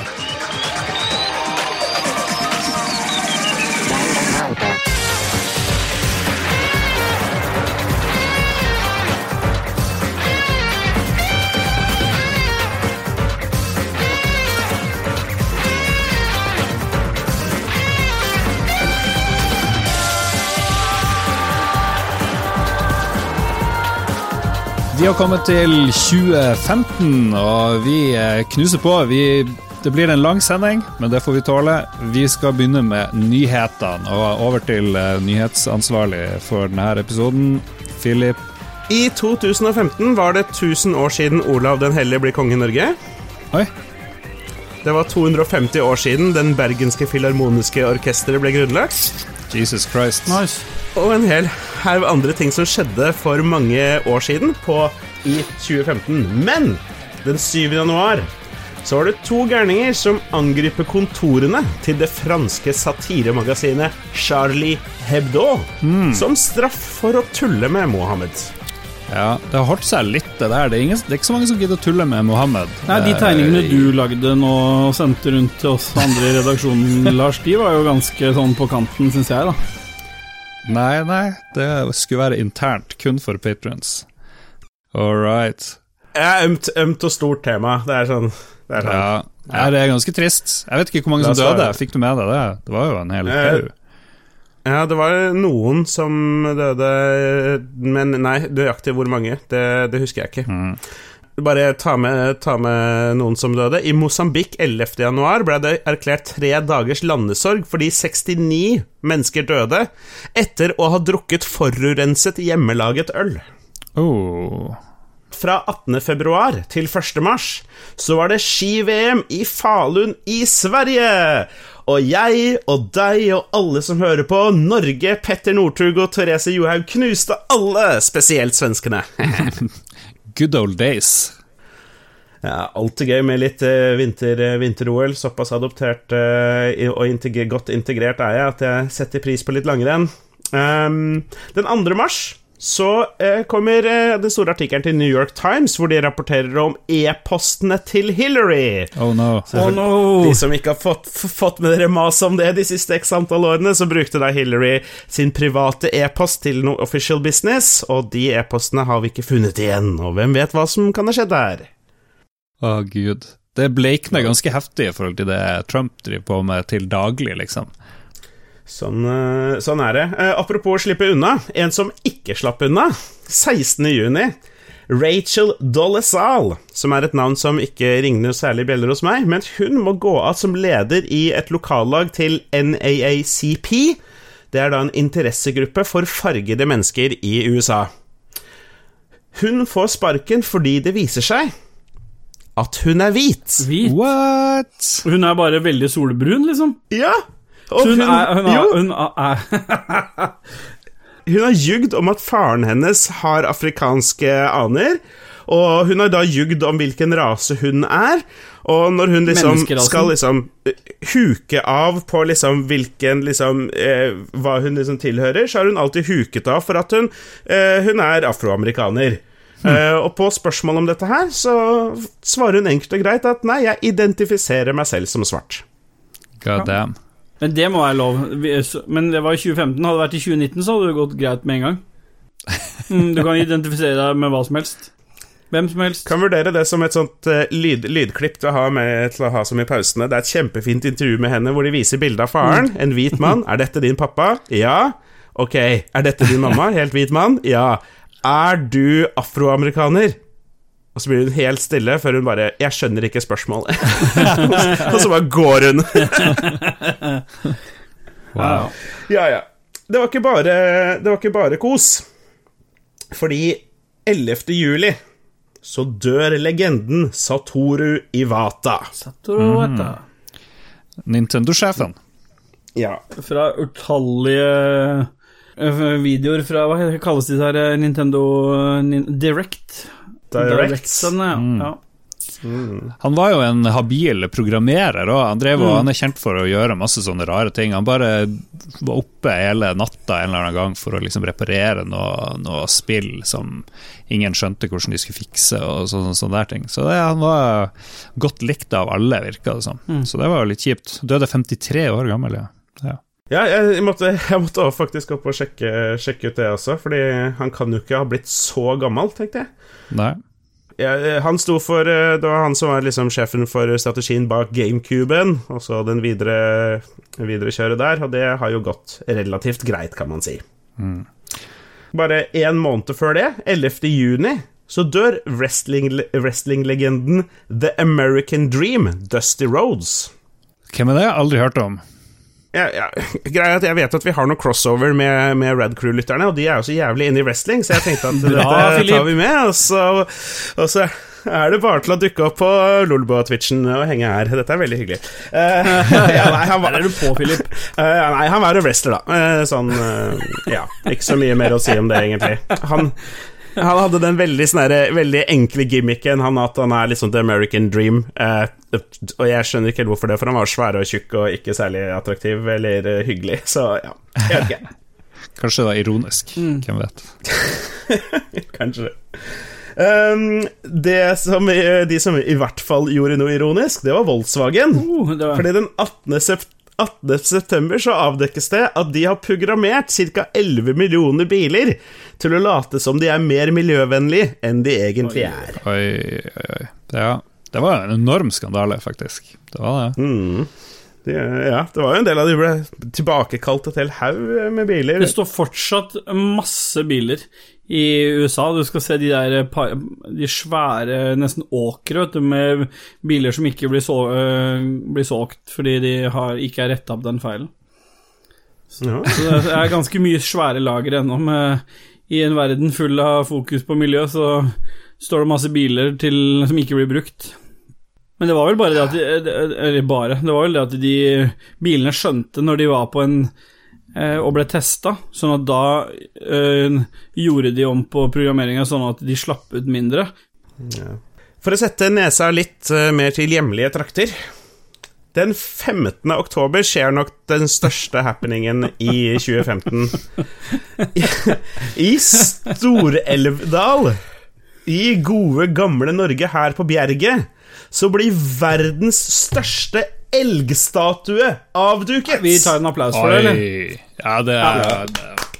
Norge, Norge. Norge. Kjempers fødeland. Og hva het den statuen av verdens største elg? Ja, for nå ser jo vi det. Vi skulle jo fått gjetta. Ja. Det hadde jo blitt eh, Horny, kanskje, kunne det hett. Lilleelgen. Jeg gjetter. Horny.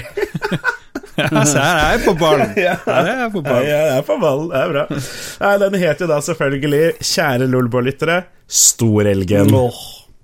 Eh, Jeg vet ikke hvem som vant Nobelprisen det året. Ah, det skal vi finne ut eh, Ja, det- mens vi slår det opp. Men den 12. desember eh, så signeres Paris-klimaavtalen i Paris. Eller ja, Parisavtalen, eh, alt ettersom hva man kaller den, holdt jeg på å si. Eh, Den signeres av alle, og nå skal det bli fint, og nå skal vi redde miljøet. Og ja. Jeg vet ikke hvordan det har gått, Status, jeg, enn så lenge. status quo er at eh, Trump kom til makta og har eh, ikke etterfulgt sin del, og siste målinger viser at CO2-nivået er har satt nye rekorder nylig, da, så ikke mye CO2-reduksjon har skjedd, heller tvert imot. Tvert imot, det går ikke ned i det hele tatt. Den tunisiske Er dere klar for Nobels ja. fredsprisvinneren Ja, jeg slo det opp her. Ja, og jeg bare tenkte, har jeg søkt på rett? Men Ja. det høres ut som en eh, musikkgruppe, men det er altså Nå er jeg den spent, for jeg ser ingenting. tunisiske kvartetten for nasjonal dialog. Jeg, jeg tenkte nøyaktig det samme når jeg bare ja, får google det. Så bare Hæ, er dette riktig? Er dette er det Nobels kulturpris eller noe sånt? nå? Har jeg klikka feil? Den tunisiske kvartetten for nasjonal dialog. Vet du hva, Vi skal få de til å lage introsang til Olboa, tenker jeg. Nå har du bidd deg ut på noe stort, men ja, hvis de gjør det All right. Uh, film og musikk, eh, Ståle. Musikk Der først, har, eller? har vel du Ja, du bestemmer. Men uh, musikkåret 2015, det, jeg regner med dere gleder dere, Filip Philip og Lars? Nei. Nei. Nei, det er ikke. bra. Hvis du skal ramse opp topp 100 artister i 2015 Men jeg er ramsa ikke opp topp hørt om 100 av i, i 2014 heller. Jeg tok ti stykker før dere begynte. Å, jeg har ikke hørt om noe.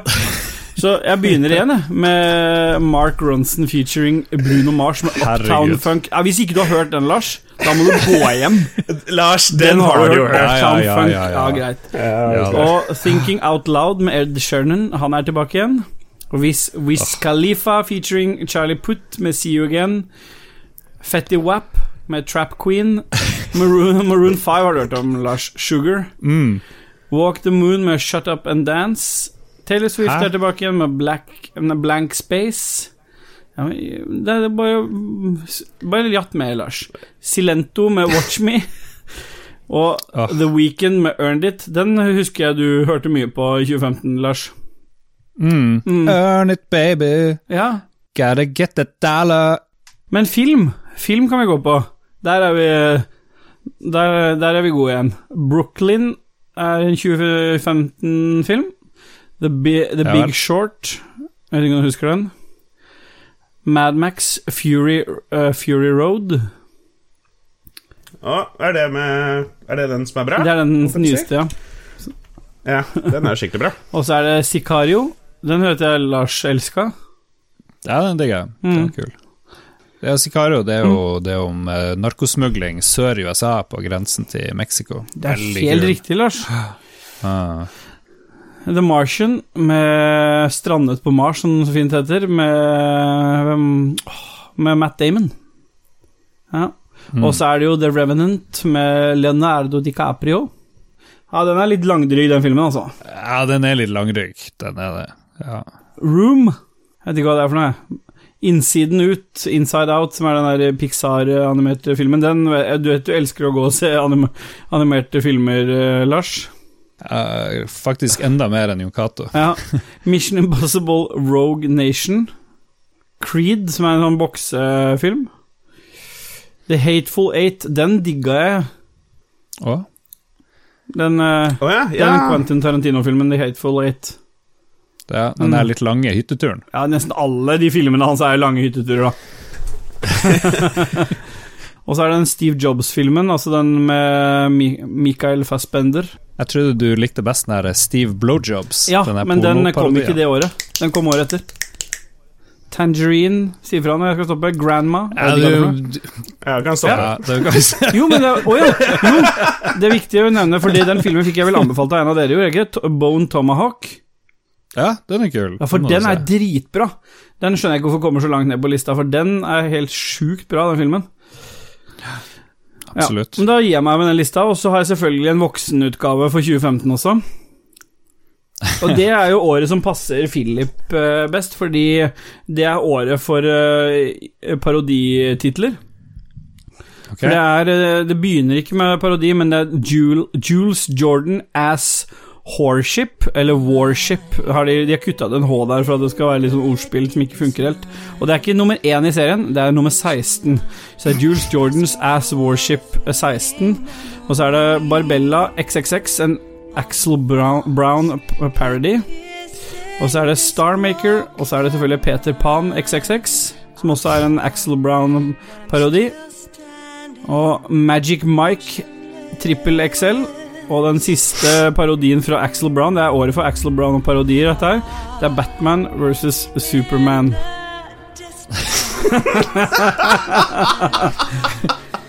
Det, det høres jo ikke ut som et bra utgangspunkt for en bra Nei, jeg, jeg, er ikke Batman jeg er ikke uenig med deg, men eh, det er i hvert fall de som var på topp eh, 2015. Nei, men det, er, det er han Axel Brown som også lagde Captain America-parodien. Det var det. Jeg kjenner igjen det navnet. Ja, det er så bra, det.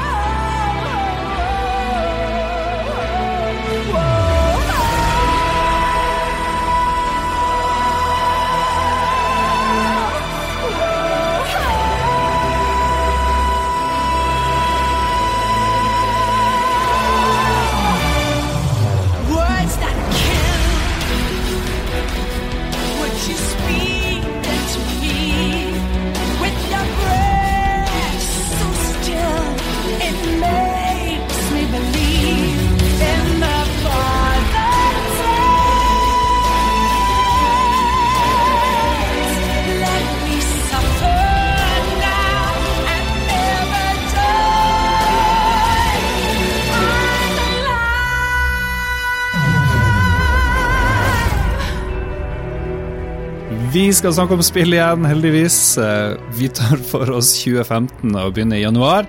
Hvis dere ser på lista, så er det mye færre spill jeg har eh, valgt ut fra 2015 enn 2014, av en eller annen grunn. Eh, Saints Row nummer fire spilte aldri de her Saints Row-spillene. Jeg vet ikke om dere var, var der. No. Ja! Hæ, de er jo kjempegøye! Er de det? Ja, Saints Row Saints Row-spillene De er alt det på en måte GTA skulle ønske at de var. På en måte, eller liksom Saints Row er alt uh, Ok, når du spiller GTA, så gjør du en del ting, og så, du, og så går du bananas, og så gjør du helt crazy morsomme ting. Eh, Saints Row er bare de crazy bananas morsomme tingene. Ja. Egentlig veldig, veldig artig. Det er helt all over the top. Liksom fly... du du, likte det, Ståle. Et av Ja, våpnene ja. er liksom fly rundt og slå hverandre med kjempedildoer og sånne ting. Nei! ja, da må jeg jo teste det ut. Dying Light, eh, skrekktemaet fra 2014 fortsetter litt i 2015. Dying Light var veldig populært, eh, spilte aldri det sjøl. Episodebaserte spill eh, holder òg stand. Life is Strange, episode 1 er det mange av våre lyttere som er veldig glad i. Men kom hele ut i løpet av det året? Nei, det gud vet. Ingen vet det, Nei. faktisk. Hvis det kommer ut episode 1 i januar, så bør jo hele Life is Strange komme da. Vi, eh, vi bare sier at de gjorde det. Det var bra spill, i hvert fall. Februar, The Order 1886 eh, dukka opp da, og det var jo et eh, Trodde man et stort kvalitetsaktig spill fra Sony, et av de studioene deres, men eh, det så veldig bra ut. Det ser bra Mm. ut fremdeles, men gameplay-messig så var vel ikke det helt eh, det store. Og vel fire timer med innhold, og så var du ferdig? ja, noe sånt. Mm. Mars eh, Helldivers, multiplayer fire stykk, kan spille det. Det er et slags eh, Starship Troopers-spill, hvor du fer rundt på planeter fulle av sånne bug-fiender og andre morsomme ting. Det som er litt spennende, er når du er tom for ammo, så må du kalle det ned fra romstasjonen oppe i verden. Og det er ikke bare å si at du har lyst på ammo, du må gjøre sånne eh, Street Fighter-komboer. Høyre, venstre, opp, ned, L1, L2. og når du skal gjøre det, og du omringer av fiender, så blir det naturlig nok veldig kaotisk. Og på toppen av det hele, du kan skyte kompisene dine. Så det hadde jo vært noe for deg, Ståle. veldig, veldig det, morsomt. Friendly. Fire er jo fantastisk.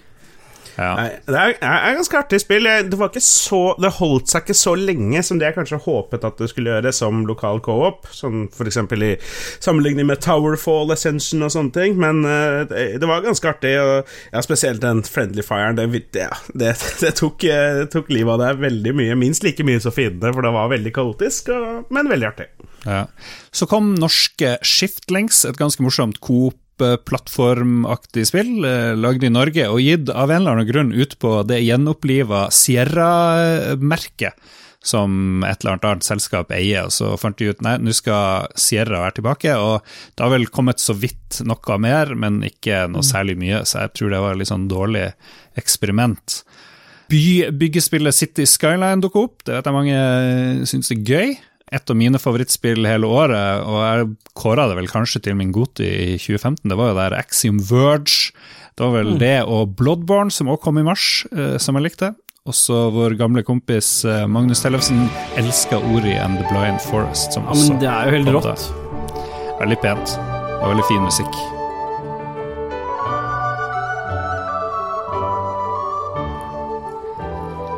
Skal vi se April, Mortal Kombat X. Kan ikke du fortelle hvorfor du ler når du sier Mortal Kombat X, Lars? Uh, nei, sånn som man ofte gjør, uh, enten i fylla eller når man har dårlig dømmekraft, det er å kjøpe sånn deluxe-utgaven på nett. Bare, ja, nå skal jeg faen meg bruke 800-900 kroner på en sånn digital utgave av et spill jeg kommer til å spille maks tre timer i. Men mm. nei, det var jo Nå skal jeg begynne, endelig skal jeg spille Mortal Kombat og spille slåssespill igjen, men det gikk fort over. Det er litt, det er litt for slitsomt. Jeg er blitt for gammel for det. Men kan ikke jeg fortelle en fun fact da, kjapt, for du har hørt den, Lars. Men eh, jeg gjorde jo det samme som du har gjort med Mortal Mm. Kombat 11 her om dagen. For jeg også var Mortal litt Kombat sånn 11 Ja, fordi jeg var jo fin i eh, farta sjøl, og så var det tilbud på, eh, på Xbox-storen. Det er jo en, noen par uker siden. Så tenkte jeg jeg savna et litt sånn eh, fighting-spill. Så jeg dro på med Mortal Kombat 11, sånn deluxe-utgave med alt av DLC-er og alt mulig, og så samme problem som du hadde, at eh, det var en god idé der og da, men eh, våkna opp og tenkte at hva faen skal jeg gjøre, jeg spiller jo ikke sånn spill, jeg. Men jeg fikk i hvert fall refundert det, i, i det minste Hey. gjennom eh, Microsoft, så jeg har det ikke lenger. Men jeg gjorde det, jeg har gjort, gått på samme Gått på samme smellen.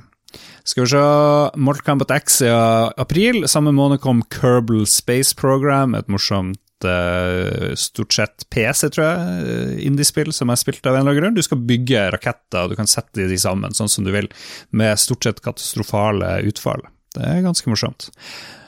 Mai er jo måneden sin i 2015. The Witcher 3. Mm. Ladies and Takk for i dag, alle som har hørt på. Da har vi dekka det viktigste spillet i 2015. Så takk til alle patrions, produsenter ja, nei, nei, men det er jo ikke Vi kan jo like gjerne bare punktumme det her. Jeg sier det, setter ned foten. The Witcher 3 er topp tre spill fra de siste ti åra, og ja. Selv om du ser hva som kommer som førstelistespill i juni. Jeg har ikke noe å si. Det, det Witcher 3 er, er, er, Jeg er jo ikke så glad i Heroes of the Storm heller, sånn, sånn spillmekanisk. Det er liksom, ja. Uansett, The Witcher 3 er, er helt eksepsjonelt. På så utrolig mange måter. Vi, jeg orker ikke si så mye mer, fordi det har eh, lytterne våre gjort, når de skal komme tilbake til si, hvorfor de likte The Witcher 3 så godt. Men eh, nei, det er jo helt i en klasse for seg selv. Det. Splatoon kom også i mai. Eh, Jeg stiller meg bak Witcher 3, det var morsomt. Spilte det mye, men som vanlig ikke fullført. Juni, da, Heroes of the Storm. Og du har jo streama sikkert 1000 timer Heroes of the Storm, eh, Philip, så det, Ja. det, det Men så eh, Ja. Hvem da som lagde det? Var det Blizzard? Blizzard. Det var Blizzard. Og så Ja, hater du dem fordi de kutta den der pro- pro-støtten sin der, da. Ja. Ja. Da er det Trist. plutselig ikke noe karriere å ha lenger. Nei. Bat Batman Arkham Knight kom, var det mange som likte. Fallout Shelter, mm. mobilbyggebasetingen. Spilte aldri det. Var det Det er bra, det. som Ja, du likte Ja. det? Her Story var et mobilspill, eh, nesten bare film. Du driver og hører på folk som snakker om eh, ting, og så litt mysterium. Det er veldig gøy. Juli Rocket League eh, holder seg veldig bra enda. Det er jo sånn proffmiljø òg på det der eh, Rocket League, så det er gøy. Gøy for de som lagde det. Det kom vel som et gratisspill på PlayStation Plus, tror jeg først. Det var noe sånt. Mm. Og det tror jeg hjalp de veldig, for da var det jo plutselig masse, masse folk som lasta det. ned og fikk øynene opp. Mm. Skal vi se. N++. Veldig gøy 8-bits-aktig multiplayer 4 kan være med der, tror jeg. Nin, du er en sånn ninja som hopper gjennom ganger og må dodge raketter og sånt. Veldig, veldig gøy. August, Rare Replay. 30 spill, tror jeg, i pakken med mm, nesten alle Rare-spillene som kom. Er vel bare til Xbox sikkert, og PC kanskje. Until Dawn dukka opp da. Det husker jeg vi eh, spilte på hytteturen og var litt sånn delte meninger. Mange likte jo det. Sånn horrorgreie. En hel ungdomsgjeng er på hyttetur, og så bare dør folk igjen etter igjen. September, Metal Gear Solid 5, folkens. Det likte jeg godt. Nei, Ja, må du gi deg. Ja, det var jo Det var maken til surball, tullball. Og, og du, Hæ, det, er jo ikke, det er jo ikke fullført engang, det spillet. Han fikk jo ikke lov til å fullføre, han måtte jo bare kaste sammen en avslutning. Det er det mest tullete i den serien. Mm, det var veldig gøy å springe rundt. Åpen verden eh, Metal Gear funka ja. kjempebra, altså. Ja, Jeg er helt sikker på at jeg kan komme opp med tre Metal Gear Solid-titler bare på PSP som var kjipere enn Metal Gear Solid 5. Liksom, så, Ja, det kan hende, uh... men det var et dårlig Metal Gear-spill. Ja, så Jeg vet ikke, jeg syns også det var veldig solid. Veldig, veldig Jeg bare liker å ha så mange mekanikker tilgjengelig for meg, da. Jeg liker å På generell basis, jeg liker alt av filmer, serier og spill og sånne ting som er en eller annen fyr som er skikkelig, skikkelig god til noe. Og det selger Metal Gear Solid 5 meg, liksom. At jeg er en helt unik ressurs i en kampsone, på en måte, som kan gjøre litt som han vil. Nei, det er, det er veldig solid. Jeg skal være enig med Ståli at historien eh, det, det blir en veldig rar utvikling på spillet. For til slutt så blir du bare kasta inn i områder uten utstyr, og det blir bare kjempevanskelig, og det er nesten ingen som har fullført eh, det spillet der. Dessverre. Super Mario Maker kom. Eh, morsomt påfunn fra Nintendo. Du kan lage dine egne brett. Eh, vår venn Christian vil jo elske at vi nevner Forsa 6. Indie-favoritten Undertale, som holdt seg veldig bra, den kom også det? det her året. Jeg har runda det, til og med. Oi! Det, Oi! Lars, da! Jøss, Ja, for det jeg, har ikke spilt det i det hele tatt, jeg. ja, det er en sånn JRPG-aktig spill. Mm. Litt sært. Du kan velge å ikke drepe noen, du kan prøve å snakke med folk, eh, i Mm. tillegg til å prøve å slå dem. Veldig originalt spill. Anbefales veldig. Enda mer skrekk. Zoma, aldri spilt. Det bør jo Ståle prøve umiddelbart. Ja. Så kom både Rock Band 4 og Guitar Hero Live i oktober det året. Det var en sånn siste hurra for eh, rytmespill. Ja. Gikk vel ikke sånn kjempebra. Broforce dukka opp. Eh, Skyting syns folk var gøy. Assassin's Creed Syndicate. Halo 5 Guardians. eh, og så kom det der eh, puzzle-aktige Human Resource Machine. Så det er både, både små og store spill som gjorde seg bemerka. Halo 5 Jeg vet ikke, jeg da var jeg lei av Halo for lenge siden. Altså, Halo 4 var et veldig bra spill, for det var jo det første spillet fra eh, 32, nei, 342 Industries, men eh, Halo 5 er det første spillet i serien som ikke har split screen, uh, og som der de skjønte at Xboxen egentlig er svakere enn PlayStation 4, i hvert fall før disse pro-konsollene og sånn kom. Så de gikk all in på at det skulle være 60 FPS, og det rammer det spillet så hardt at det ser ut som et 360-spill, og det er ganske shitty. Men du kan spille inntil fem stykker eh, online, men eh, det er det dårligste av de. Det er det jeg har det, Jeg har spilt alle de andre spillene flere ganger i Master Chief Collection, men Halo 5 har jeg bare spilt gjennom én gang, for det er det dårligste av de. Det, Mm. det tror jeg deg på. På dette tidspunktet hadde jeg helt falt av Assassin's Creed-toget. holdt jeg på å si Syndicate. Jeg, jeg, jeg vet ikke hvem av Nei. de det er engang, jeg, for å være Jeg tror det er en av de to spillene som hadde Jeg tror det er det som er i England, og det er, det er for Både Unity og Syndicate var jo, var jo disse her fortsatte disse eh, Det siste spillet før eh, Assassin's Creed tok en pause, for da var et av disse nok et Assassin's Creed-spill som brukte fire måneder på å fikse alle bugs med ansiktsanimasjoner som ikke fungerte, for mm. du datt gjennom banen Altså gjennom gulvet, holdt jeg på å si, og du, du liksom Det var bare fullt av bugs, så det var vel det året etter det at de tok sånn et pauseår fra Assassin's Creed-serien for å lage eh, neste spillet. Like greit. Ja. Ellers så, ellers så tenkte jeg også å nevne at både ja, Rock Band 4 og Guitar Hero Live, som, som du nevnte, kom jo da i oktober. Og jeg er entusiastisk rundt rytmespill, men ikke engang jeg gadd å plukke opp noen av de, og det er, det er ganske spikeren i kista, tenker jeg. Ja. November, Call of Duty Black Ops 3, Stars Battlefront kom, eh, husker jeg. Det var vel ikke noen stor hit. Beyond Two Souls, eh, David Cars Venner vender tilbake. Litt usikker. Beyond Two Souls, var det 2015 det kom, eller var det en remake? Nå ble jeg litt sånn her eh, Nei, det var Remaster, Nei, det, det, det kom jo først Ja, det var remaster. Det kom jo først Mm. ut i 2013. Ja, ja, fordi jeg lurer på om det var det alle snakka om, dette Uh, Until Dawn, at det var liksom det David Cage- David Cage-spill eh, David Cage-spill sånn som det burde ha vært, liksom. Mm. Uh, at uh, Så jeg lurer på om det er en remaster, altså. Ja. Ja. Fallout 4, folkens, spilte vi det? Nei. uh, det er litt synd med Fallout 4, egentlig. Jeg, har, eh, jeg spilte enorme med antall timer Fallout 3. Jeg elsker Fallout 3, syns det er et utrolig godt spill. Eh, New Vegas likte jeg ikke så godt. Og Fallout 4 har jeg vel starta på sånn tre ganger, spilt et par-tre timer, og så bare ikke spilt mer. Jeg vet ikke, jeg har ikke klart å komme meg ferdig i det. fallout. Må gi seg med fallout. Ok, desember, Just Cause 3 og Rainbow Six Siege, og da har vi nevnt det meste av de store tingene i 2015. Eh, Hva var den store favoritten, Ståle, i 2015? Det For min del er fallout shelter DOS. Ok, Det var ikke artig hvordan han sa Han sa, han sa Witcher 3, og så hørtes det ut som noe helt annet. Det er, ja. Og vi vet at du elsker Witcher 3. Skal vi se eh, Ja, hva jeg skal ta? Det blir Axiom Verge er min favoritt fra 2015 også. Det er det. Magisk. Å, så bra musikk.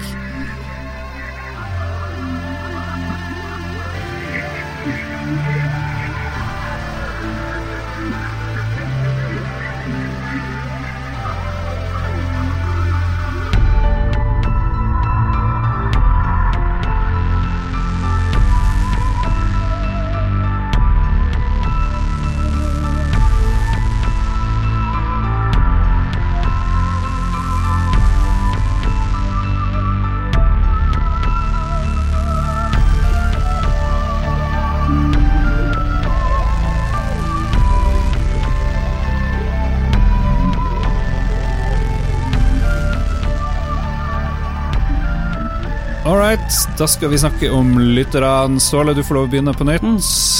Ja, er Mats eh, tar Mats igjen, ja, for han Ja, er enig med Philip. Med The Witcher 3, The Wild Hunt, Goti 2015 Forever. Han elsker litt sånne tilleggskommentarer. Han har også Bloodborne og Metal Gear Solid 5, The Phantom Pain, på sin liste. Hva mener Dag Thomas, eh, Philip, og mener han det egentlig? Lurer jeg Ja, på. det er jo et fantastisk spill det han skriver der, da. Han skriver at han brukte veldig mye tid på Ravens Cry, et veldig godt MMORPG. Eh, ok. Det er en sjukt bra pacing i, i Ravens Cry, så det er eh, Ja, det er fra Reality Pump Studios, det spillet. Og det er jo Det er noe av det bedre de har lagd. Jeg, jeg kunne fint valgt det, altså, men for min del så slår eh, Fallout Shelter liksom en plass der. Jeg brukte mye tid på det på mobil. Vi får si det. Guri Lotte Reivo Dahl det er jo datter-datter til Roald Dahl. Eh, Det beste spillet Ja. i 2015 var selvfølgelig Bloodborne. Ingenting som topper det. Og så hun, påstår hun at hun har spilt seg gjennom Fallout 4 100 ganger nå. Jeg tviler. Jeg tror hun sa at hun spilte et annet spill 1000 ganger, så jeg føler at mm. Guri driver og overdriver veldig eh, når hun liker noe veldig godt. Ikke hør på Lars når han eh, blir sånn negativ nå. Det er bare fordi at han er misunnelig, for han aldri har spilt gjennom ett spill én gang.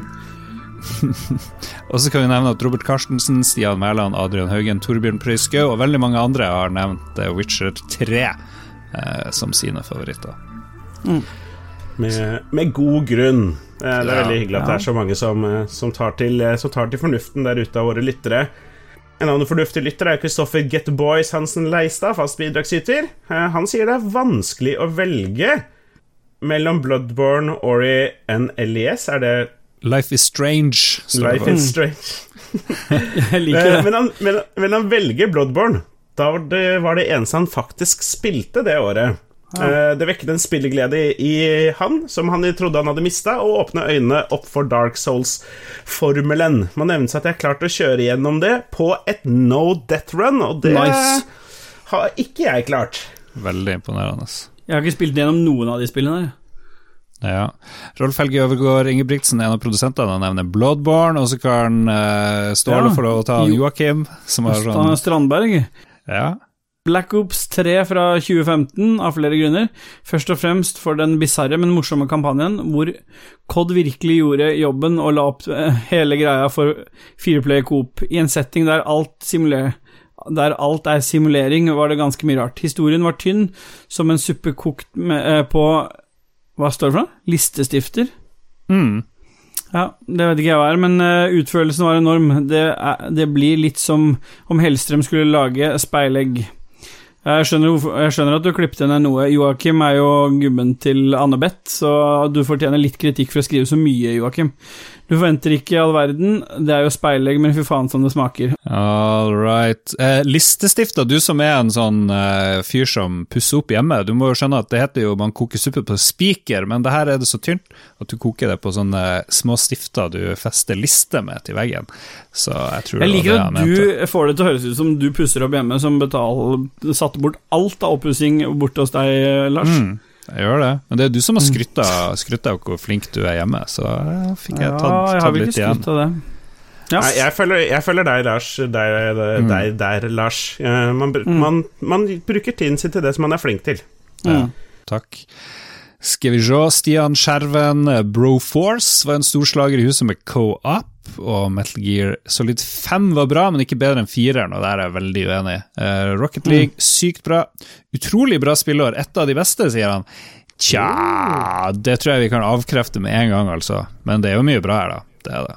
Absolutt. Ja, Siden Final Fantasy 7 kom ut i 97. Eh, Det er jeg for så vidt enig i, men uh, Objektivt sett så er jo det det beste spillet som er laget. Ja, men, men sånn fra de siste ti åra så står 2015 frem som et ganske, som et ganske solid spillår. Eh, det kan hende det er Witcher 3-fan i meg som snakker der. Um, over til noe helt annet, så vil Ragnar Holst trekke frem et spill som heter Titan Souls, som jeg ikke har vært borti. Han kaller det en kombinasjon av 2D-Selda og Shadow of the Colossus som fungerer utmerket, minimalistisk og rett på sak, og et av få spill han stadig returnerer til. Jeg tror du har ett hitpoint, så du dør med en gang, så du må liksom være helt perfekt eh, når du slåss mot sånne enorme kolossfiender. Det er vel en serie bosskamper, egentlig, virka det som. det. Prøvde det så vidt, du- men Ja. Ikke spilt igjennom, er det du prøver å si? Sjokkerende nok. Marius Bakke nevner også Witcher 3 og Until Dawn. Yes. Uh, Ireland Nettum, også Witcher 3, som han holder på med for tredje gang. Uh, som completist så kommer han seg aldri gjennom sånne store spill. Han spiller i noen uker, kommer skikkelig langt, blir lei og plukker det opp uh, et par år seinere, og så må han starte helt på nytt. Og der kjenner jeg meg igjen. Det gjør jeg. Mm, ja.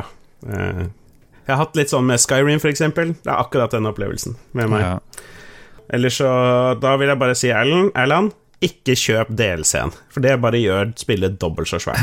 Så da blir du i hvert fall aldri ferdig. Det var vel gratis DLC til Witcher 3, var det ikke det? Det var jo litt av det som var morsomt. Skal vi se, jeg bare tar og nevner Martin Pettersen, Super Mario Maker og Witcher 3, og Dag Thomas brukte mye tid på Ravens Cry, veldig gode MMO-RPG, men det har vi sagt før. Så da kan Ja, ja. eh, Philip få lov å avslutte med de siste her eh, på Helge lista. Larsen har jo en sånn liste igjen.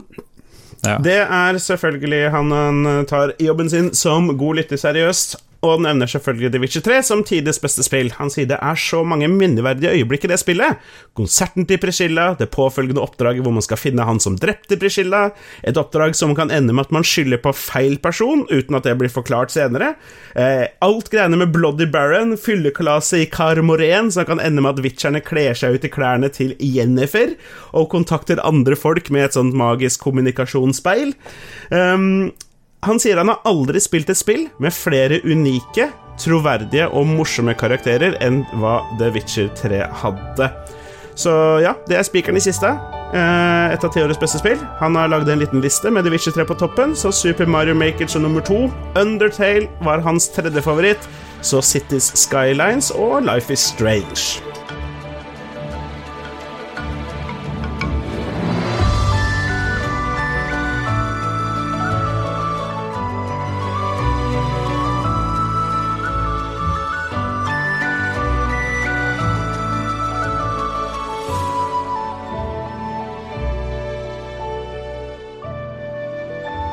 Vi skal anbefale ting, men vi har holdt på så lenge at det blir en veldig kort anbefalingsspalte.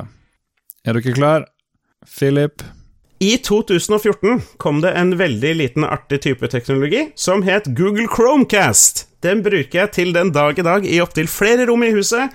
Og hvis jeg skal anbefale noe fra 2014 som faktisk har verdi i dag, Google Chromecast. Ja. Jeg tar og anbefaler The Raid 2, som vi har nevnt i filmoppramsinga. Se The Raid og se The Raid 2. Eh, hvis du liker slåsse, slåsse asiater som slår på hverandre, så er det helt topp, eh, topp underholdning, altså. Blir ikke så mye Ja. bedre enn det.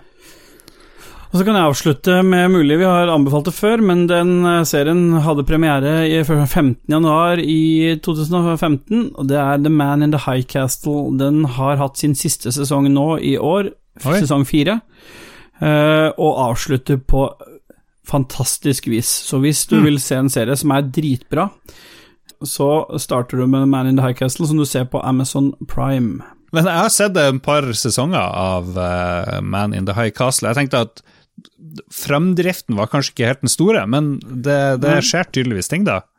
Ja, det gjør det, så det det som er, og det som er litt ålreit nå, er at den på en måte er avslutta i sesong fire.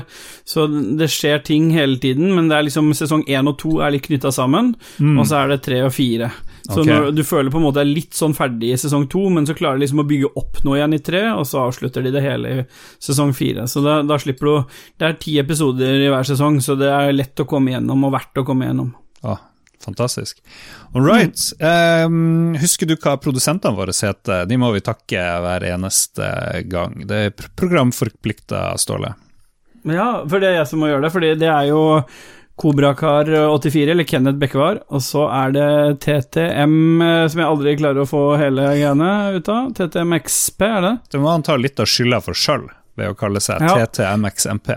Det må MP, det er den siste MP-en jeg ikke Og så er det Rolf Helge eh, Rolf Helge. det er den er verste, verste egenskapen jeg har, det gjelder jobb også, det er at jeg er kjempedårlig på å huske navn, så jeg må ofte spørre både pasienter og andre om navn flere ganger. mm. Så Rolf Helge, jeg har spilt med deg, men jeg klarer ikke hele navnet. All right. Blir det noe strømming på eh, karene? Philip er vel den flinkeste, men du er jo kjent for å streame litt, du òg, Ståle. Er det noe som eh, kommer denne uka her? Eh, nei, jeg har ikke planlagt noe. Jeg vet Philip har på en måte tatt den uh, Tatt over den delen litt. Han er den gode ass på streaming, men jeg har lova Det har vært hinta til at jeg skal uh, Og ønska om at jeg skal streame noe skrekkbasert. Så jeg kan love at jeg skal gjøre det i løpet av jula. Kanskje blir det en sånn romjulestream der med kamera. Oh. Mm, ja, jeg tenker Ståle, Ståle kan funke kjempebra til å gjøre sånne, gjøre sånne konseptstreamer. Så det er noe vi definitivt bør klare å, å, få planlagt. En litt sånn litt lengre stream i romjula når det er litt mørkt ute og vi alle sitter hjemme og koser oss. Så kan vi se på Ståle som svetter seg gjennom rundt mm. hvert hjørne han skal gå i trange, mørke korridorer. Og så er vi jo eh, spesielt Philip kjent eh, for å by på både for- og nachspiel når det er onsdagsquiz her i Lolbua, så det må folk eh, få med seg. Det bruker å være i åttetida på, på onsdagene, og hvis det er folk er heldige, så blir det kanskje noe, noe Philip-show etter det her òg, kan det se ut som, hvis jeg tolker chatten rett. Gud vet. Mm. Gud vet. Vi skal takke alle som har fulgt med live, og vi skal takke alle som hører på. Tusen takk for det. Vi setter veldig stor pris på absolutt alle, ikke bare produsentene som gir oss støtte på Patrion. Um, denne uka her så skal vi alle åtte i redaksjon samles hos Jon Cato til julebord på lørdag, og det kommer til å bli veldig veldig gøy. Vi kommer garantert til å spille inn noe greier der. Vi får se om det blir et, en ruffelbua, eller om det blir en lolbua, eller hva nå enn det er. Um, hva dere skal ha på dere? Uh, hva er dress code, uh, Ståle og Philip, når jeg kommer ned? Må jeg ta med meg scooterdressen? Hva er det jeg skal iføre meg? Julebord så går jeg for dress, så jeg kommer nok til å gå for en Jeg har en blå dress som jeg tenker jeg skal få kjørt på lørdagen. Jeg syns det er litt hyggelig når vi møtes sånn, og så er den kanskje såpass sliten at jeg ikke må bruke den på julaften. ok. Jeg vet ikke med Philip, jeg. Ja. Nei, det, ja, jeg så at det var noen sånne spørsmål om ja, kanskje vi skal bare ja, ikke liksom dresse opp helt og liksom Dette er bare også bare hyggelig, men nei, jeg, jeg, driter i hva dere har på dere. Jeg kommer i dress. Ja, enig med Philip. Ja, Nei, Da blir det dress. Da kjører vi det. Er vi enige, Filip. Det er ikke gærent. Vi skal dele bilder og vakre scener fra det. Vi er på Facebook, vi er på uh, Twitch, vi er på whatever, faktisk. Mikser. Finn oss der du måtte ønske. Vi gjør ting eh, fort og tidlig, men eh, all info kommer stort sett i Lolbua Entourage på Facebook. Da sier vi takk for oss. Ha det bra. Ha det bra. Ciao.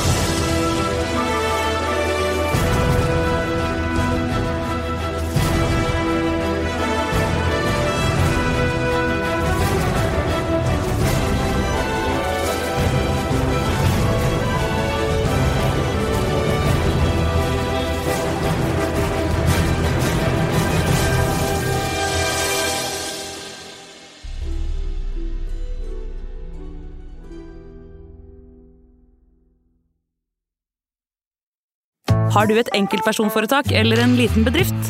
Da er du sikkert lei av å høre meg snakke om hvor enkelt det er med kvitteringer og bilag i fiken, så vi eh, gir oss her, vi. Fordi vi liker enkelt. Fiken superenkelt regnskap.